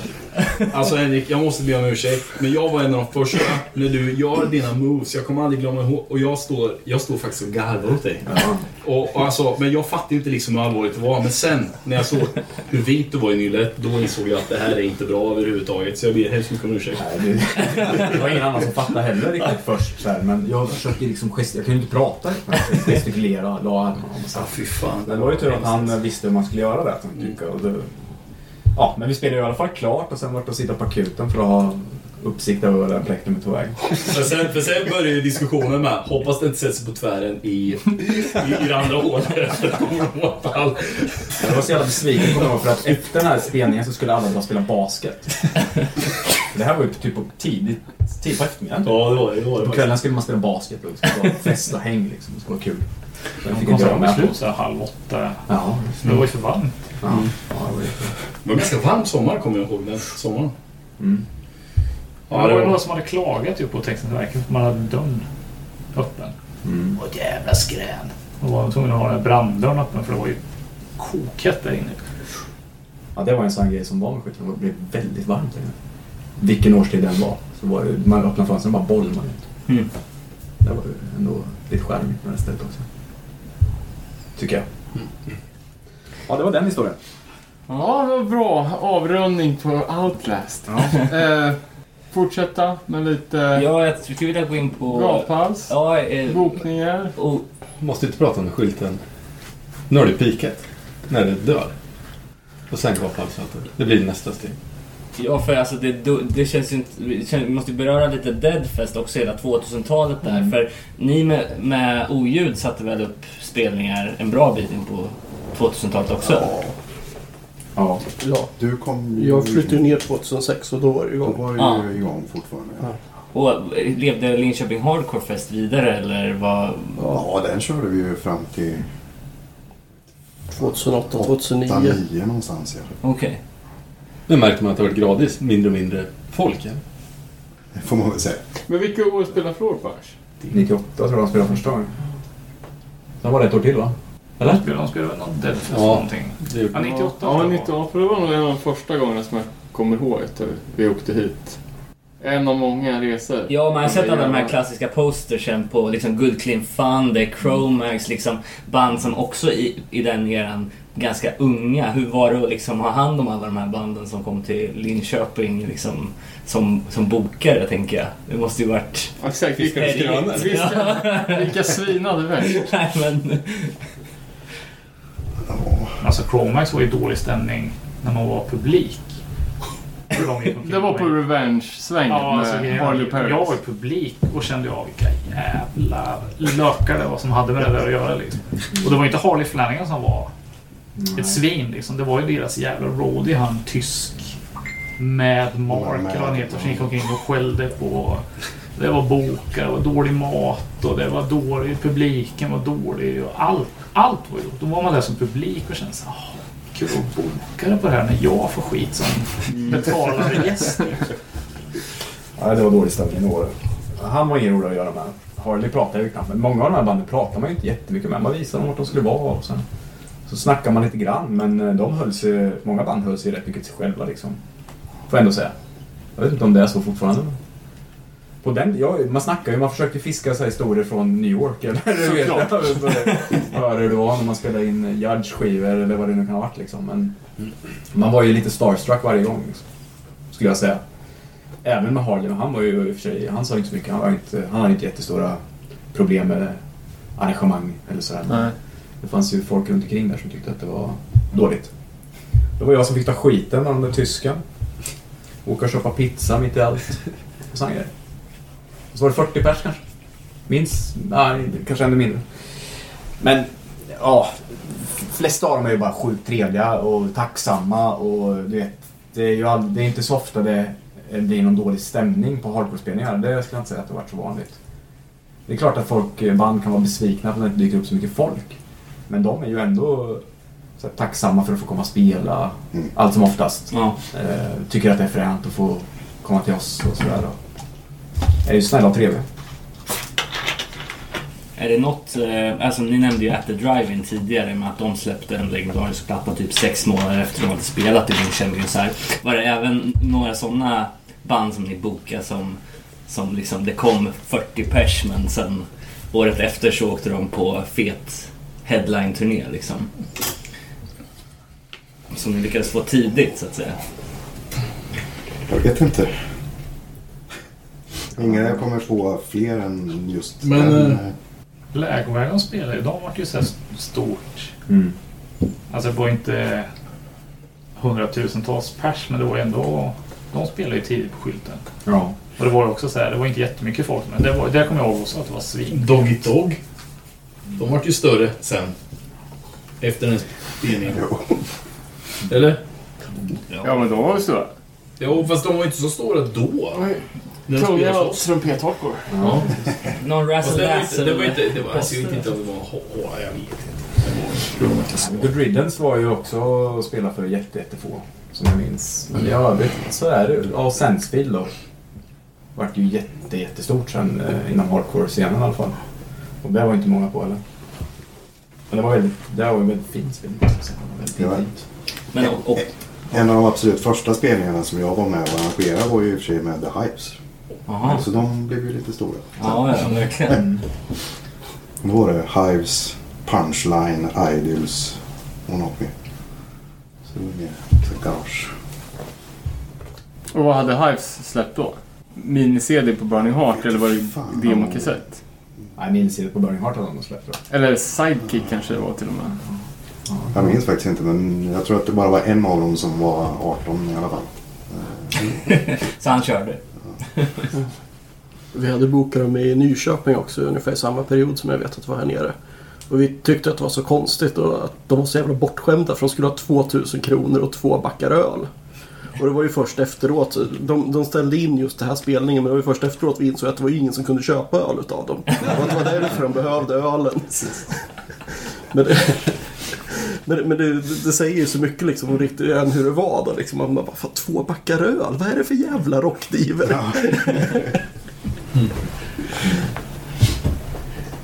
det är också lite roligare att tänka tillbaka på alla band man lyckades fånga under deras peak, som just Floor Punch. Och du nämnde något Neurosis-gig som var liksom legendariskt. Det är legendariskt. Tyvärr kom det inte så många som sagt var. Nej. Vad, vad var det Henke? 30, 35, 40 betalade. Max. Ja, det var nog lite fler. Fast Var det det? är också många som var kvar när ni också spelade. Nej. Och framförallt inte när de slutade spela för de på ner. Men det var inte många låtar de spelade, fast de var Nej. jättelånga. Descendants var det gött. Ja, det var fram. Det var riktigt bra. När var det? 97 var det. Den affischen har på väggen så den vet jag. Det är så konstigt att skrivit da- årtal. Det var december 97. Ja, vad roligt. Det är det som är kul nu när Erik har börjat lägga upp på Linköping Hardcore Posters med, Mm. Med så lite recensioner på posten. Bara, det är jävligt bra det här, står det under bandnamnet. Men vad var det? Var ju någon det stod bara Det här är sånt som kidsen gillar. Säg till i Switchblade. Det var också bara jag bara, det har jag faktiskt sagt. Det har jag sagt. Säger ingenting om bandet överhuvudtaget. Men körde, körde ni på med oljud samtidigt som Boris började dra igång Deadfest här i stan eller? Ja, men det måste ju ha varit samtidigt. Och hade ni, det var inget gemensamt där eller? Ja, vi- jag och Boris hade ju... Vi hade ju vår... Jag, Boris och Lillen körde ju vår så här, bokningsgrupp typ. Okej. Ja. Och det var väl då han... Han, för han började köra Deadfest själv. Jag vet inte varför. Jag tror han ville dra in... Jag tror han ville att, att han skulle få pengarna liksom. Så att han kunde göra andra grejer som inte vi var, kanske var så... Alltså andra band som inte vi var så sugna på Mm. sätta upp kanske. Men det var väl... Det var, ju- Jag har ingen nå- aning om det var ju något var. som Oljud var med på som vi gjorde. När vi gjorde en sam slapshot här för mig att vi gjorde sam Ja, körde okej. och så var det Ja, mer. Men nu snackar vi tidigt 2000-tal, eller mitten 2000-tal kanske. Ja, det är väl 2006. När bildades 2000. OU då?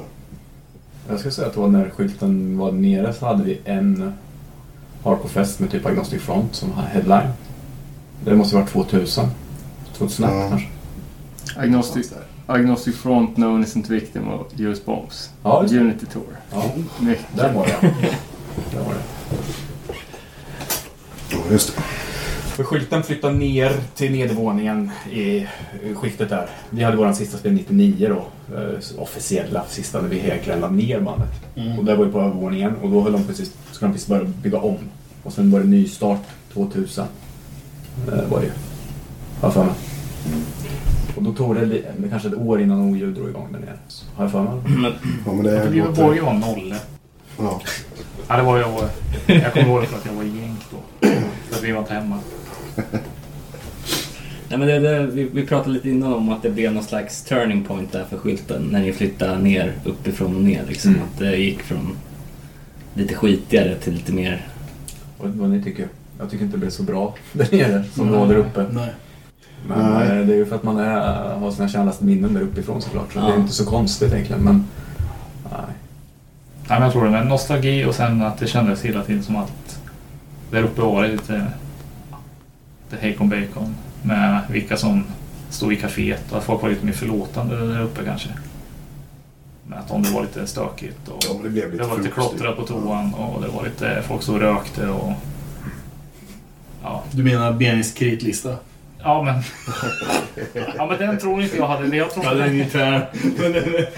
Jag tror inte den hade funkat där nere. Nej, det hade den inte Det gjort. känns inte som att det hade varit släppt igenom den kilometerlånga kritlistan. Den är betalad. Mm. Det är bra. Nej, ja. Men det var ju liksom, folk eh, flyttar ju liksom från, från skylten. Vad jag kommer ihåg ungefär vid samma tid. Alltså det, var folk, det, det, det rörde sig mycket i Linköping då. Och det vart aldrig riktigt eh, samma grej. Jag vet inte. Så, nej, ja. Nej, det var någonting som hände där. Det var väl inte bara där. Det var ju redan folk som flyttade när det liksom var nästan slut där uppe också. Men det, det senade ut liksom. Mot något annat. Och det vart, alltså, det vart bra. Men det vart inte riktigt det här som man hade varit med om på övervåningen. Jag vet inte. Det var väl också det. Det var ju, det hände ju inget då. Det var ju inte så att det togs och bara sattes någon annanstans. Så att det fortsatte där en spelning i veckan. Nej. Läget för skylten när det stängde så var det ju så här, "Jaha, vad gör man nu då? Det kändes lite som att folk var, var, var mättade på hardcore. Alltså min känn, känning, alltså det, ni får ju säga emot mig, men jag kände liksom att det var inte... Ja, det var inte samma. Det, var, det hände ju andra grejer. Alltså det kom ju andra musikstilar in som tog över under den tiden. Det var ju ingenting som var unikt för Linköping. Eller, utan Nej. det var ju över Nej. hela Sverige. Och jag tror, att, jag tror att det handlar väldigt mycket om att det här var ju en tid där hardcoren förvandlades från en ungdomskultur till en subkultur. Ja. Helt plötsligt gick det från att du skulle ha en fritidsgårdsverksamhet med ungdomar som var hardcore som var mellan liksom 12 till 18 till att gå från liksom 20 till 30, 35-åringar. Och däremellan så blev det ju naturligt ett glapp för det var ju liksom människor som hade kommit in som ungdomar som hade som en hobby till människor som levde för det.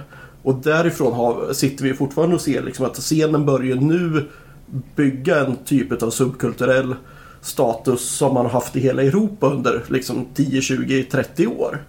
Men i Sverige har ju alltid hardcore varit en ungdomskultur fram till början av 2000-talet då transformationen började. Och det är ju helt naturligt också för att det var ju hela den här 90-talssvängen som vi pratar om. Det var ju, då var det en ungdomskultur.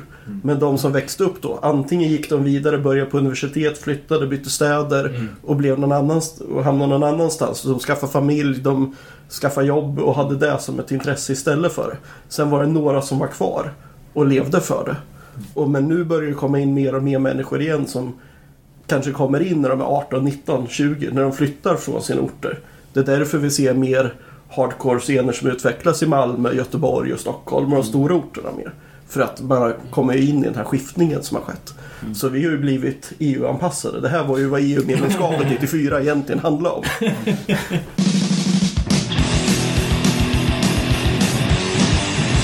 Ja, men vi går väl in på den lite senare nutida delen av Linköpings punk och musikscen eh, och väljer att prata lite om den ni har för idag Kaj och Patrik, nämligen Gaphals. Hur eh, startar ni det? Och vad är det för det första? För de som inte vet. Jag, jag brukar alltid säga att jag tror jag och Patrik är lite oense om hur det startar. För jag tror vi har eh, olika bilder utav det.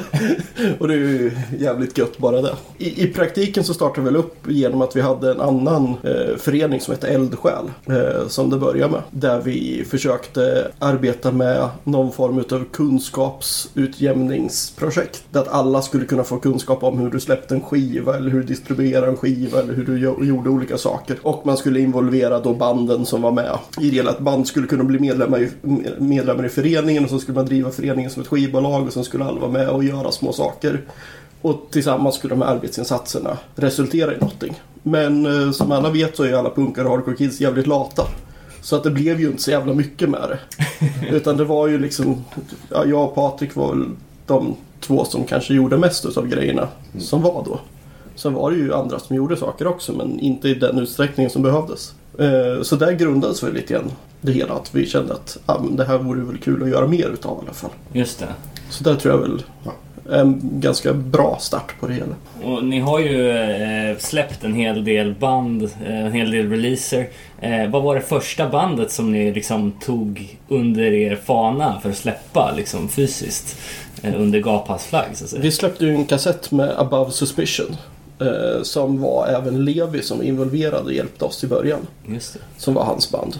Eh, ja, jag kommer inte ihåg så mycket mer runt det där. Hur, Ja, hur släppet. Ja, de var bokade för ett gig och sen så hade de väl spelat in och sen så ah, men vi gör en kassett av det här. Just det. Och sen var det väl inget mer med det. Och när var det här? Ja, Mellan tummen och... 2008 eller 9... Nej, 2011. Ja, någonstans mellan 2008 och 2011 kan vi säga. Mellan tummen och pekfingret. Ja, men var det Tio. Var det 10? Ja, det är ni som bestämmer. Så Ja. säg, Ja, säg, tio. Ja, det är tio så är det det. Ja, 10 var det nog. Men då kan man ju nästan säga att ni har hållit på i tio år eh, med, Ja, snart. med det här projektet. Ja, Eh, och jag menar, jag vet ju bara hur svårt det har varit själv när man har velat trycka upp 50 ex av en sjua liksom. Det är väntetider på 100 år liksom. Va, vad är er upplevelse av eh, liksom vinyl, vinylbranschen de senaste 10 åren? Har det liksom blivit lättare eller är det alltid ett sjukt jävla projekt att få ut saker på, på vinyl nu för tiden? det är ju alltid ett sjukt jävla projekt på många sätt och vis. Men sen samtidigt blir det ju också att är man ovan vid att göra det så blir, känns det nog som ett större projekt än annat. Och det är väl som vanligt en, det är väl det som punk hardcore alltid haft i sig liksom som ungdomskultur. Att allting ska liksom bara göras Ja. så fort som det bara går. Och så funkar det ju inte för själva vinylframställningen är ju även ett hantverk. Alltså det bygger ju på att någon ska liksom ingre, vad heter, ingravera matriser som ska göras i ordning för att du ska kunna trycka saker ifrån. Så att där börjar man ju själv få mer och mer liksom så här is i magen också med åren. Mm. Så jag tror att det, ju mer erfaren man blir på de där sakerna så känns det ju mindre och mindre som ett projekt. Utan mer och mer bara som verkligheten. Eh, Men jag förstår ju att folk som börjar göra det här och inte har gjort så mycket är helt frustrerade över situationen. Och speciellt musiker som kanske har arbetat på musiken i ett år innan och spelat in grejer. Att de säger ah, men nu måste det ut. Mm. Och sen tänker man inte på att det är lika mycket tid till som egentligen kanske behövs innan du kan göra ett bra släpp. Ja, precis. Ehm, Eh, vi, vi var inne och kollade lite på ert lager innan. Vi har ju läst också, det är mycket coola band i eran backkatalog. Våna Inget har ni släppt, ni har släppt mycket metal. Är det något eh, speciellt släpp som ni är mest nöjda över av de ni har gjort hittills? Ja, men, ja, men, ja, men det, det är väl så här, eftersom- Diplomatisk Ja. tvekan. Nej men alltså alla, alla släpp är roliga men jag tänker samtidigt eftersom vi har nu ett avsnitt som vi pratar om lite grann Linköping Hardcore så tycker jag att det var helt fantastiskt att få göra återsläppet på Good Morning Restrain med Magna Carta Kartell. Som då är ju folk från Roswell bland annat. Och man kan liksom dra, det, dra, dra den grejen. Så det finns ju så här mycket musiker som vi arbetar med idag.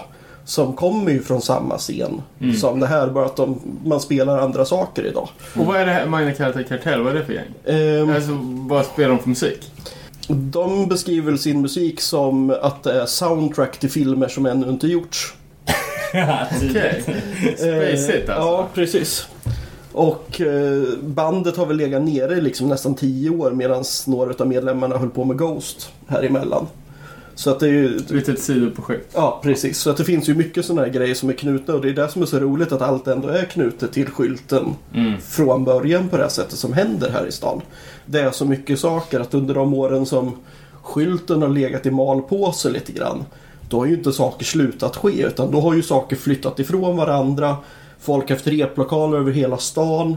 Man har fått också en distans till varandra. För jag, i, i min upplevelse har det ju varit mycket så att folk nästan har varit så på varandra. Så här retats och petat. Det har ju varit mycket en sån scen här i, i eh, Linköping får man ju säga liksom på något sätt. Eller? Ja. Ja. Det. Och det har ju gjort också att folk liksom har nästan tryckt ner varandra. Men när folk helt plötsligt fick tre, fyra år emellan varandra innan man träffade varandra och man fick utveckla sina egna projekt. Så var det ju många som framstod som helt fantastiska musiker efteråt när de kunde koncentrera sig på sin sak lite själv. Och det har ju utvecklat stan otroligt. Jag tycker att Linköping har varit Linköping och Östergötland har varit en av Sveriges absolut bästa musikregioner de senaste åren. Och det händer väldigt mycket spännande där hela tiden. Och nästan allting har ju sitt ursprung i punk och hardcore-scenen fortfarande. Och sen, eh, vi, vi tänkte också på, eh, ni har lite coola grejer eh, i pipen också nu som du snackade om att eh, det kanske är ingenting som du vill prata om nu i och för sig. Men Nej, nej men vi, vi, såklart, vi, vi har ju många släpp som är på gång hela tiden och Ja. vi, vi arbetar ju med saker framåt. eh, Och har planer, liksom planer ända till liksom nästa vår, Ja, det är så. 2019. Det, så vi ligger ungefär ett år förväg i planering hela tiden. Eh, gör ni också grejer live eller är det bara liksom... Vi har ju gjort mycket saker live. Eh, Det året som vi gjorde mest konserter gjorde vi ju 105 konserter på ett Oj, år. Och det, det, har vi lite, det har vi fått liksom dra ner på lite grann nu. Så nu har vi legat runt 30-40 konserter de senaste 1-2 åren. Ja. Så att det, då har det inte varit så pass mycket. Eh, men nu så, vi, vi håller på att gå me- ja, Vi håller på att göra en överstyrning också så att vi ska bli mer och mer fokus på skivbolaget. Mm. Eh, för att vi behöver lägga mer fokus på det för att vi har en ganska stor internationell marknad.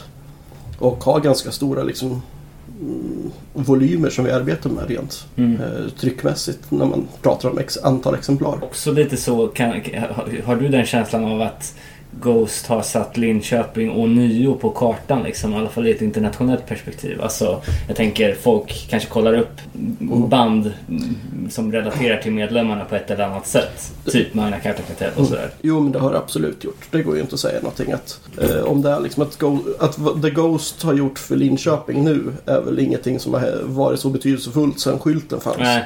För det, skylten är ju på samma sätt att där får man ju fortfarande idag frågor om Vi var nere och spelade på den här skylten när vi var i Linköping. Finns det här stället kvar?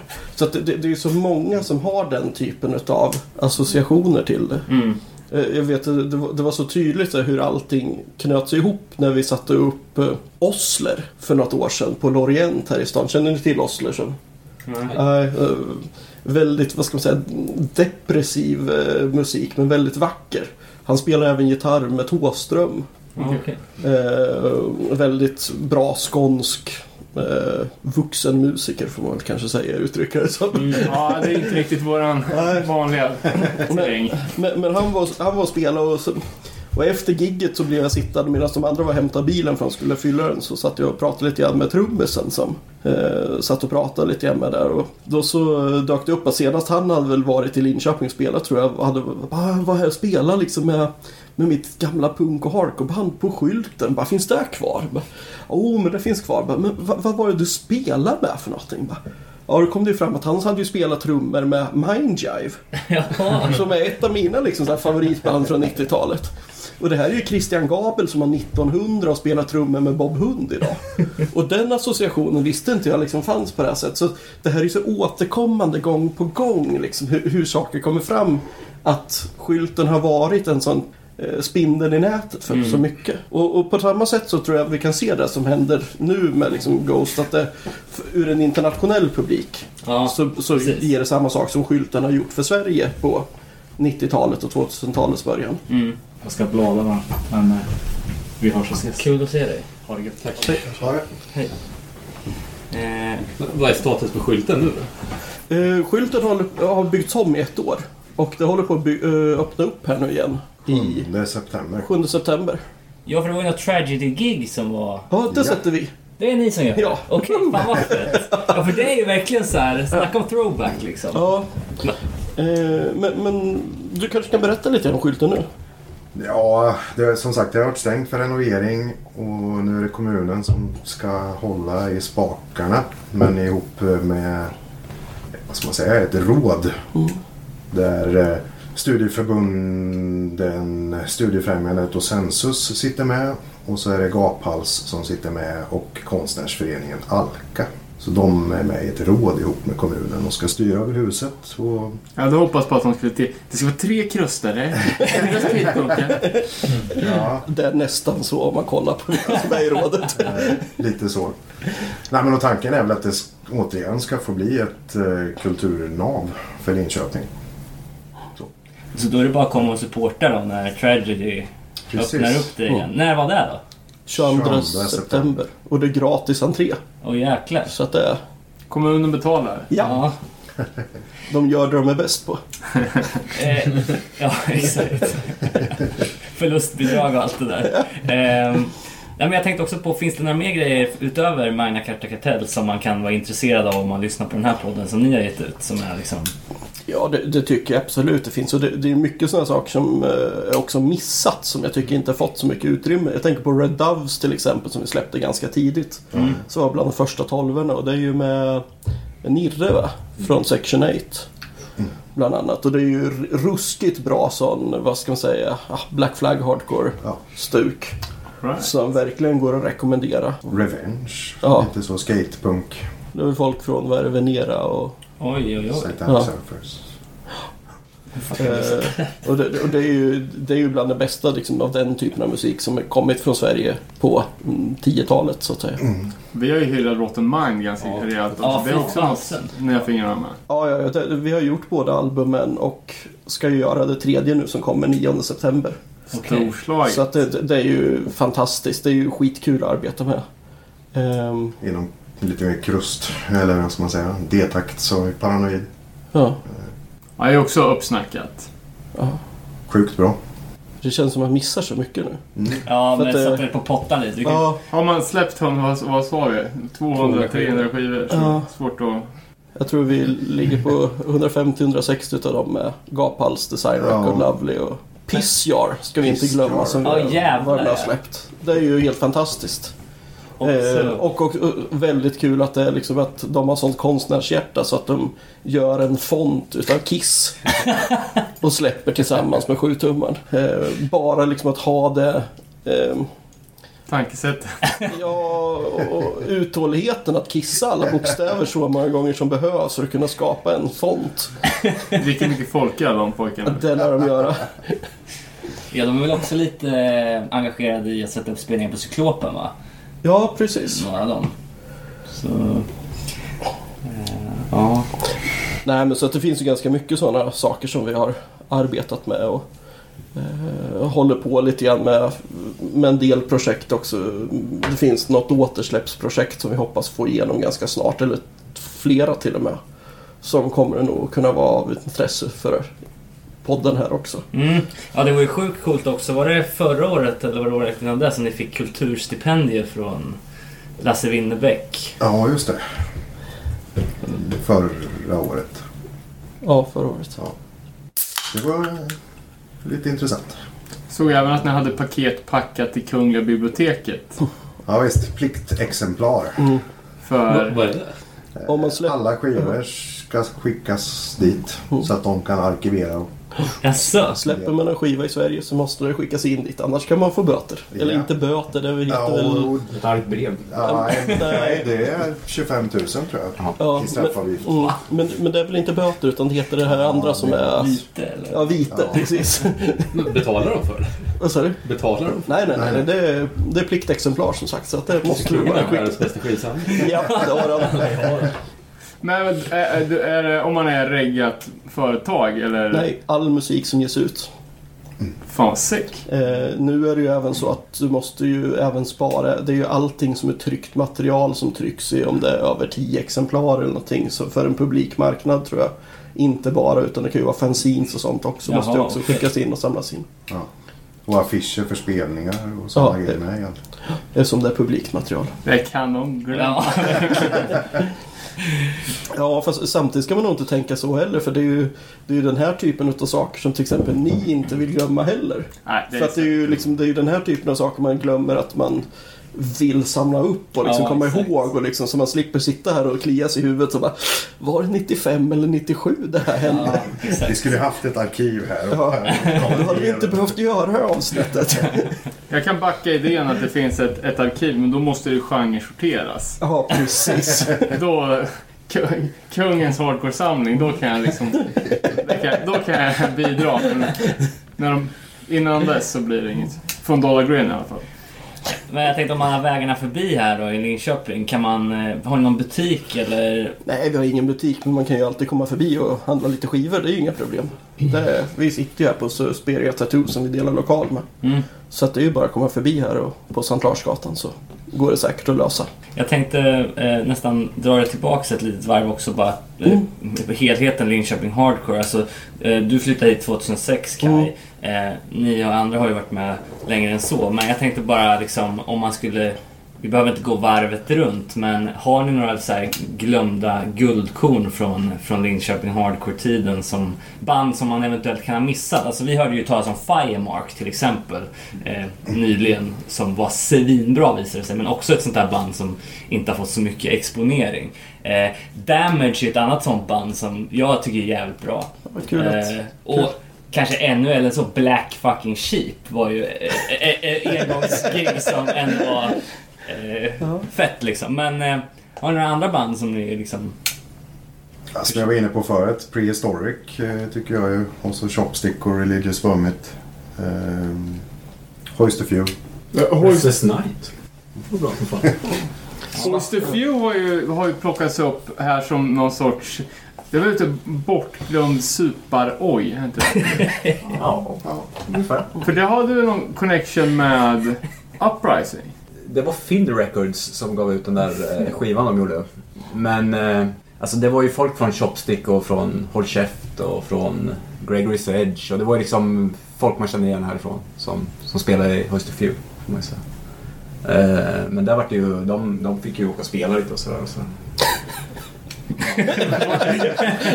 Jävla sellouts. Nej, men jag tänker för Chopstick och Gregory's Edge var ju bara i stan. Jag tror inte, de rörde sig inte långt utifrån Linköping. Men Hoist tog sig ändå ut till Europa och så här och spelade lite spelningar och sådär. Släppa på Film Records, bara en sån sak. Ja, precis. Så det är ju, ja, den kan man kolla upp. Absolut. Eh, kan man säga något om Accursed? Ja, Det kan man absolut. Det kan man göra. Det- Jag skulle säga att de är från Söderköping. Ja. Men eh, absolut. Jag, jag brukar ju alltid framhäva att det är bandet som förstörde den svenska hardcore-scenen. Så. Ja, men de, det kändes lite grann som att hela den, den grejen tog in drogerna på ett annat sätt. Eh, och att det var mycket mer så att det blev en... det blev ett litet hårdare klimat efter första Cursed-plattan kom. Eh, det är lite grann min upplevelse utav det. Eh, men svinbra band. Mm. Ja, den, den mest beryktade är väl eh, Livet är den längst... Vad heter den? Livet är den längst... bleh. Längst vägen till helvete. Ja, exakt. Så heter den ja. Men, eh, och gjorde också... eh, Jag har bara sett dem en gång, men det var ju just på skylten eh, om det var någon Linköping Hardcore Fest 2012 eller något sånt där. Två, eh, eller 11 eller vad det kan ha varit. En rätt slirig historia. Ehm, men jag har inga gamla eh, hardcore-relaterade återsläpp planerade på, på Gaphals eller som Jo, det kan det vara. typ Nej, i och för sig. Glömda diskografin kanske redan finns ute. Nej, tyvärr inte. men, men den hoppas jag på en vacker dag. Det funnits jättemånga band som aldrig nådde längre än demostadiet. Eller kanske någon sjua eller... Prove My Point var ju bra som fan som jag minns det. Mm. Men har inte det varit lite grann Linköpings förbannelse också? Att det är många band som har lagt ner precis innan Mm. det har kommit någonting riktigt vettigt. Jo, kanske. Vi har också hört att det var många band, alltså efter Outlast, era typ Blame Luke, som bara spelade i Linköping. Det tycker de i Göteborg i alla fall. Ja. Varför, varför spelar de här banden aldrig på något annat ställe? Ja, Det är svårt att säga. Det fanns kanske inte riktigt... eh, jag vet inte, det var svårare att få spela. Jag tror inte det. Ja, Ni spelade ju massor. Vi hade ju massor band. Och IA Collect. Ja, och... Vad var det mer? Restless Nights och Svartemönt. Ja. Och Svartenbrandt var ju ute en hel del. Jo, men som sagt det känns som att det var många andra band som ja, bara spelade här. Jag vet fan. Men- Nej, det blev lite som att man spelade på skylten enkom. Och det blev kanske lite... Jag vet inte varför det kommer att bli så, men eh, ja, jag var med Blame Luke någon gång i Oslo så, här, så det är klart de, var, de tog sig ut när de fick, när de fick chansen. Liksom. Men det kanske var svårare att komma till att, att, eh, att få spelningar under en period i Sverige. Det fanns inte lika starkt intresse. egentligen. Jag, jag tror det saknas erfarenhet också på ett sätt i Linköping. För det upplevde jag när jag flyttade ner hit från Umeå. Att I Umeå då startar man band för att åka ut och spela. Du startar ett band för att åka ut och kolla i Europa och ja, komma bort från hålan. Men när man flyttar ner hit, till, eller ja, precis innan jag flyttade ner hit till Linköping så vet jag att då, då var ju vi ute på turné med Rain of Bomb som mitt band var då. Upp från Umeå tillsammans med Black Star Rising härifrån. Och det upplevde jag var bland de första Europaturnéer som ett hardcoreband hade gjort på många år härifrån Linköping när man pratade med er. Och det kändes som att efter det så blev det ju helt plötsligt att det blev vanligare igen att band gjorde det för att man såg att det gick. Men i Umeå var det som självklarhet att det var därför du startade ett band. Det var för att åka ut och se Europa, liksom träffa nya människor och hänga. Men i Linköping så var det lite mer liksom en ja, intern affär. Precis. Eh, Och man saknar just den här kunskapen och erfarenheten. Mm. Stay Hungry var ute ofta. Vi var, mycket med. vi var ute på tre Europaturnéer med Stenberg. Oj. Eh, ja, vad ska vi säga om det? Ja, men det... Vi, vi släppte ju på Reflections, vårt första släpp. Och då var vi ju automatiskt i Europa. Då var ju då en holländare som, som släppte det. Och jag menar, han har ju jättestora influenser i Europa. Plus att han var kompis jättetajt med han, eh, vad heter de? Avokado kanske? Nej, men han som, eh, det är, det är, han, de spelar ju nu. Lång sångare.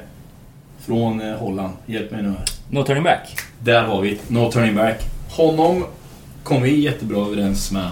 Och det var mycket fram och tillbaks, mejla hit och dit och han snackade ju med, med Reflections-ägaren och kommer inte på namnet vad han heter. Men strunt samma. Och sen så liksom vart det en skiva där. Eh, och så åkte vi, fick vi ett bokningsbolag, jag kommer ärligt talat inte ihåg vad bokningsbolaget hette, men de såg till liksom att vi fick gigs liksom. Så åkte vi ner en, vi åkte ner två gånger. Och så åkte vi ner även en tredje gång. Och jag får mig, om jag inte säger för mycket nu. Men jag var, tror det var. var det No Beginning No End som vi släppte där? Ja, ja, Det var det? ja, på Ja. Reflections. Ja, okej. Eh, så att eh, den var vi jättenöjda med. Men sen så gjorde vi en till. Och den var vi minst lika nöjda med. Men sen så liksom dog det där ut. Jag vet inte, folk kände sig väl mättade i, i bandet lite. Och det känns som att är inte alla peppade i bandet så då finns det ingen anledning till att liksom tvinga någon. Liksom. Det måste ju komma helhjärtat. Liksom. Så är det ju i band. Och då liksom kände vi att det... För att hålla det här bandet vid liv så behövde vi liksom få två nya bandmedlemmar och då kände vi att nej, då kan vi lika bra bara... Vi har gjort tillräckligt liksom. Ja. Så vi satte punkt och la ner det liksom. Stay Hungry åkte ju på en påskturné med Fuse som bland annat spelade en golfspelning på Skylten som var Mm. jävligt bra. Mm. Eh, sen också i samma era där så var det ju mycket på Nordengården Mm. i Göteborg där ni spelade ganska mycket och det var ju kul för Outlast spelade ju också där och det var lite som att så här, vi snackade innan vi började spela in det här. Jag frågade eh, dig om, ni, om Outlast spelade på Hellfest eller Full Force eller någonting. Mm. Och då sa du att nej, men själva, eh, alltså, ni ville spela på eh, ungdomsgårdar och all ages ställen. Liksom, att det var... Ja, det var, det var min uppfattning. Ja. Eh, Henke, du får, du får tillägga liksom. Men, men det var väl lite liksom... var- Det var min känning liksom. Men jag menar, som sagt var, här och nu. Hade, hade Hellfest frågat oss. Ja, vad, vad säger vi Henke? Hade vi, hade vi spelat? Alltså, om vi tänker tillbaks liksom, när vi spelade. Alltså, man, man tog väl att man fick liksom. Man Så sa ju var det nej liksom. Det var ju, får vi bensinpengar så kommer vi. Mm, Det var så väl, var det ju. eh, Mm. alltså... Så Ja, men jag så kan var tänka mig att vi hade åkt även på sånt. Det kan man tänka. Eller jag vet inte, det är svårt att säga så här i, i efterhand.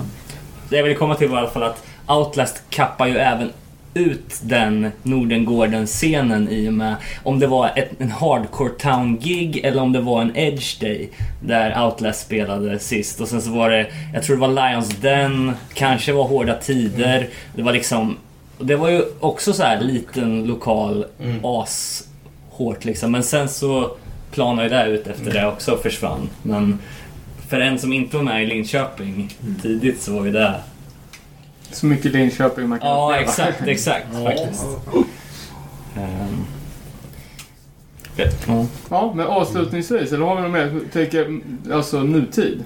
Är det om det är någon som har någonting? Har ni några nya band? Ja, vad ska, precis. Vad ska vi plugga? Har ni något kvar av distron? Vad ska vi... Fan, Kaj tog ju hela tiden till slut. Det står i hyllan. Nej, men nej. Fan, jag Men Goran, inget kvar. li- lirade du med Collateral Damage? Nyss? Ja. Kolla. Ja, ja. nu när du säger det. Ja, men det var ju det Minnet är sista, kort men... ja, men det var det, det var det sista liksom. Som jag gjorde. Och det var väl det. Var väl det. det var min musikera. Och jag Ja, känner, ja. nu, nu känner jag liksom så här. Jag tänker inte säga att jag är för gammal. Absolut inte. Alltså skulle det dyka upp någon som vill spela hardcore med mig. Jag kanske inte kan lägga lika mycket tid som förut. Nu har inte jag familj igen. Eh, ja, det är ingenting på gång. Men i vilket fall som helst så har jag ingen familj. Men jag menar, är det några som peppar? Ni vet vart jag bor. Nej, men trummorna är nedpackade i källaren. Det är inget som jag har sålt. Det ligger där liksom. Det samlar damm, men jag menar... Jag vet ju liksom vad som står närmst hjärtat för mig. Det är ju punk och hardcore liksom. Jag tror inte jag kan spela något annat, men det är där jag kan spela liksom. Men i den här stan det är ju så här, jag väntar fortfarande om jag så fan ska bli 50. Men jag kommer gå på spelningarna då. Men det är just att, har det en gång hänt, som jag sa, har det hänt på 80-talet att hardcore-scenen har lämnat och sen senat ut och sen har det dykt upp liksom på 90-talet. Varför skulle det inte kunna komma igen? Det är liksom det jag väntar på. Att, att, att det här ska komma tillbaks. Men som sagt var, den har aldrig slutat men den ligger liksom och vilar här nere. Den är inte alls som den var förut men den kan fortfarande bli. Helt klart. Det betyder jag inte alls. Men det är liksom, vad är liksom tonåringarna eller individen, vad är de sugna på liksom? Det. Soundcloud Trap. Ja men det är mycket, det är mycket, det är Kartellen. mycket liksom musikstilar som liksom går nu. Och en är ju som du säger, det är ju svensk hiphop liksom som är jättestort i Sverige. Och det kommer också säkert dö ut. Det, det, så är det ju liksom. Men den har väl samma bakgrund som hardcoren hade på 90-talet Ja. också. Att den Ja. kommer från de områdena Ja, som är. men så är det ju. Så att det är ju det helt naturligt. Så att jag menar, vem säger att, det är, att hardcore inte kan komma tillbaka? Eller punken? Alltså, det, är- det är självklart. Men alltså, den är inte dött ut. Men den är inte alls i den stora massan som den var förut. Även om inte det var en stor massa så var det ju ändå en stor massa för oss som liksom bodde i det här och levde med det här. Det var ju ett andra hem liksom. Skylten bland annat pratade jag om liksom. Jag bodde ju här liksom. Det, man har ju de finaste minnena härifrån.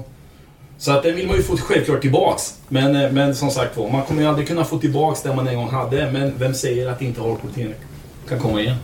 Det betvivlar jag absolut inte. Och eh, man tänkte på Linköping som stad då. Nya band som man ska hålla koll på. Det, är det något? Inom punk och hardcore finns det ju inte så jättemycket. Ja men Snake Tongue kanske man kan Snake säga. Tongue, absolut. Det kommer väl en ny EP framöver. Vi har spelat in fyra låtar. Ska väl försöka komma ut och spela lite mer också. Eh, Men vad finns det mer? Grå vardag, punk. Kanske First in Line då, om de kommer till in ny, sti- ny studio. Precis. Eh, ja. Fett. Annars är det nog ganska dåligt för Ja, tillfället. man hör lite rykten i och för sig om folk som har börjat repa och sådär. Men eh, Mm. har inget bandnamn eller något sånt. Men, eh, får hoppas att det dyker upp då. Och så, eh, vad sa vi för datum på Tragedy-giget nu då? 22 september. 22 september. Gratis! Gratis. Tack, då ses vi Ja. på skylten. Tack så mycket för att ni var med. Jag måste ställa en fråga till. Ja. För det är en sån här skröna som vi inte kommit till.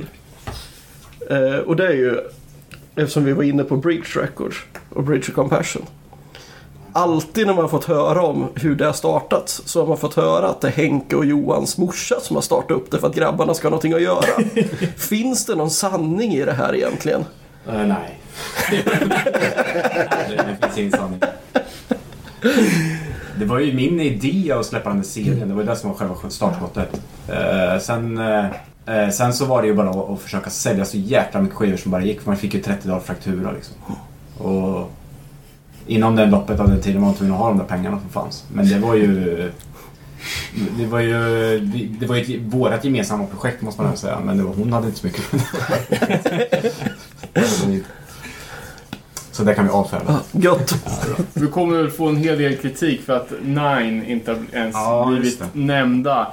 Eh, och vi har ju medvetet också hoppat över Deadfest-åren som Mm. känns som ett, ett eget avsnitt i sig. Och vi har ju absolut inte stängt dörren på Linköping Hardcore. Eh, får komma med en uppföljning. Mm. Som vi alltid säger när vi har satt punkt för något. Men Nine har ju ändå varit det mest framgångsrika bandet från Linköping. Det är därför vi inte tog upp dem. För mainstream. Nej, men det har ju, de har ju ändå liksom Nej, skönt. lyckats med stora bedrifter får man säga. De har turnerat massor med stora band med Snapcase. Så här, barndomsidoler till oss ändå. Mm. Så det är ju ändå jäkligt häftigt att de har eh, lyckats ta sig ut i hela världen egentligen. Folk lyssnar ju jättemycket på deras musik fortfarande, vilket är fascinerande. Men bildades Nine efter Outlast? Nej, det var ju nästan samtidigt kan man säga. Gjorde ni upp hemma liksom att jag tar old school, du tar new school eller? Nej. Eh, nej, men för det kommer ju liksom av de här lite olika traditionerna. Vi ville ju låta mer som Iron Threat och de ville ju låta mer som Snapcase. Så var det ju. Eh, och att Gregory's Edge, som fanns innan då, de knöt ju an, från det var ju, eftersom det var Benis och lite samma medlemmar så knöt de ju an till den typen av musik. Eh, så att eh, det föll sig naturligt på något sätt. Är det sant att Johan inte har någon taktkänsla? Eh, Det vet jag inte. ja, det, kan jag inte svara på. Nej, eller... Vad fan, han lyckats spela in. Det måste ha någonstans. Ryktet, jag säger bara ryktet säger att han inte kan sjunga eh, i takt. Förrän han har satt det på skiva och sen kan kopiera sin egen sång. Jaha, ja. Ett illasinnat rykte. Jag, jag kan inte ta på mig det här. Det är bara word on street. ja. Nej, men de gjorde ändå bra skivor, måste jag säga. De, många av skivorna är jag tycker de är jättebra och lyssnar fortfarande på det. Så att, det- Mm. Jag tycker det är stora bedrifter som de har, har gjort ändå. Får man säga. De har ju påverkat svensk musikliv väldigt mycket också om man kollar på det som egentligen någon form av metal som tog väldigt mycket Mm. influenser utav det senaste saker också. Ja. Ja, Men så det var de, jag tycker ändå att de var väldigt egna ändå. Liksom. Jag kan inte liksom... Visst, det är självklart att alla band oftast har någon typ av influens. Men jag måste ändå säga att Nine... Det var Nine liksom. Jag tycker inte att... Eh, nej, de hade ett eget sound. Alltså, ni får säga vad ni vill, men det är vad jag säger. Jo. Ja, bra, då fick vi in lite Nine ändå.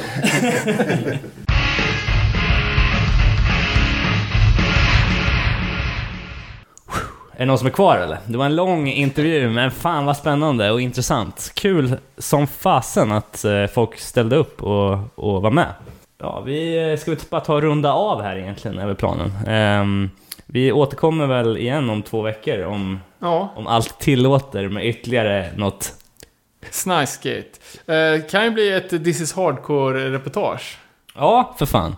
Eh, finns ju lite andra roliga grejer i, i pipen. Så, ja fan mycket gött att se fram emot. Ja, verkligen. Och eh, som, som vi sa, håll koll på, för det är riktigt feta spelningar på gång. Shipwrecked-releasen, vi har Prison Right No Fun i Fagersta, eh, vi har Örebro Punkfest som ni väl får slinga andrahandsmarknaden för att få tag i biljett till. Men eh, det händer mycket kul. Vi eh, tackar för oss och eh, kolla in oss på eh, Facebook och Instagram, att nere på noll. Ja, och kommentera och vara delaktiga. Precis, så hörs vi igen. Ha det bra! Peace!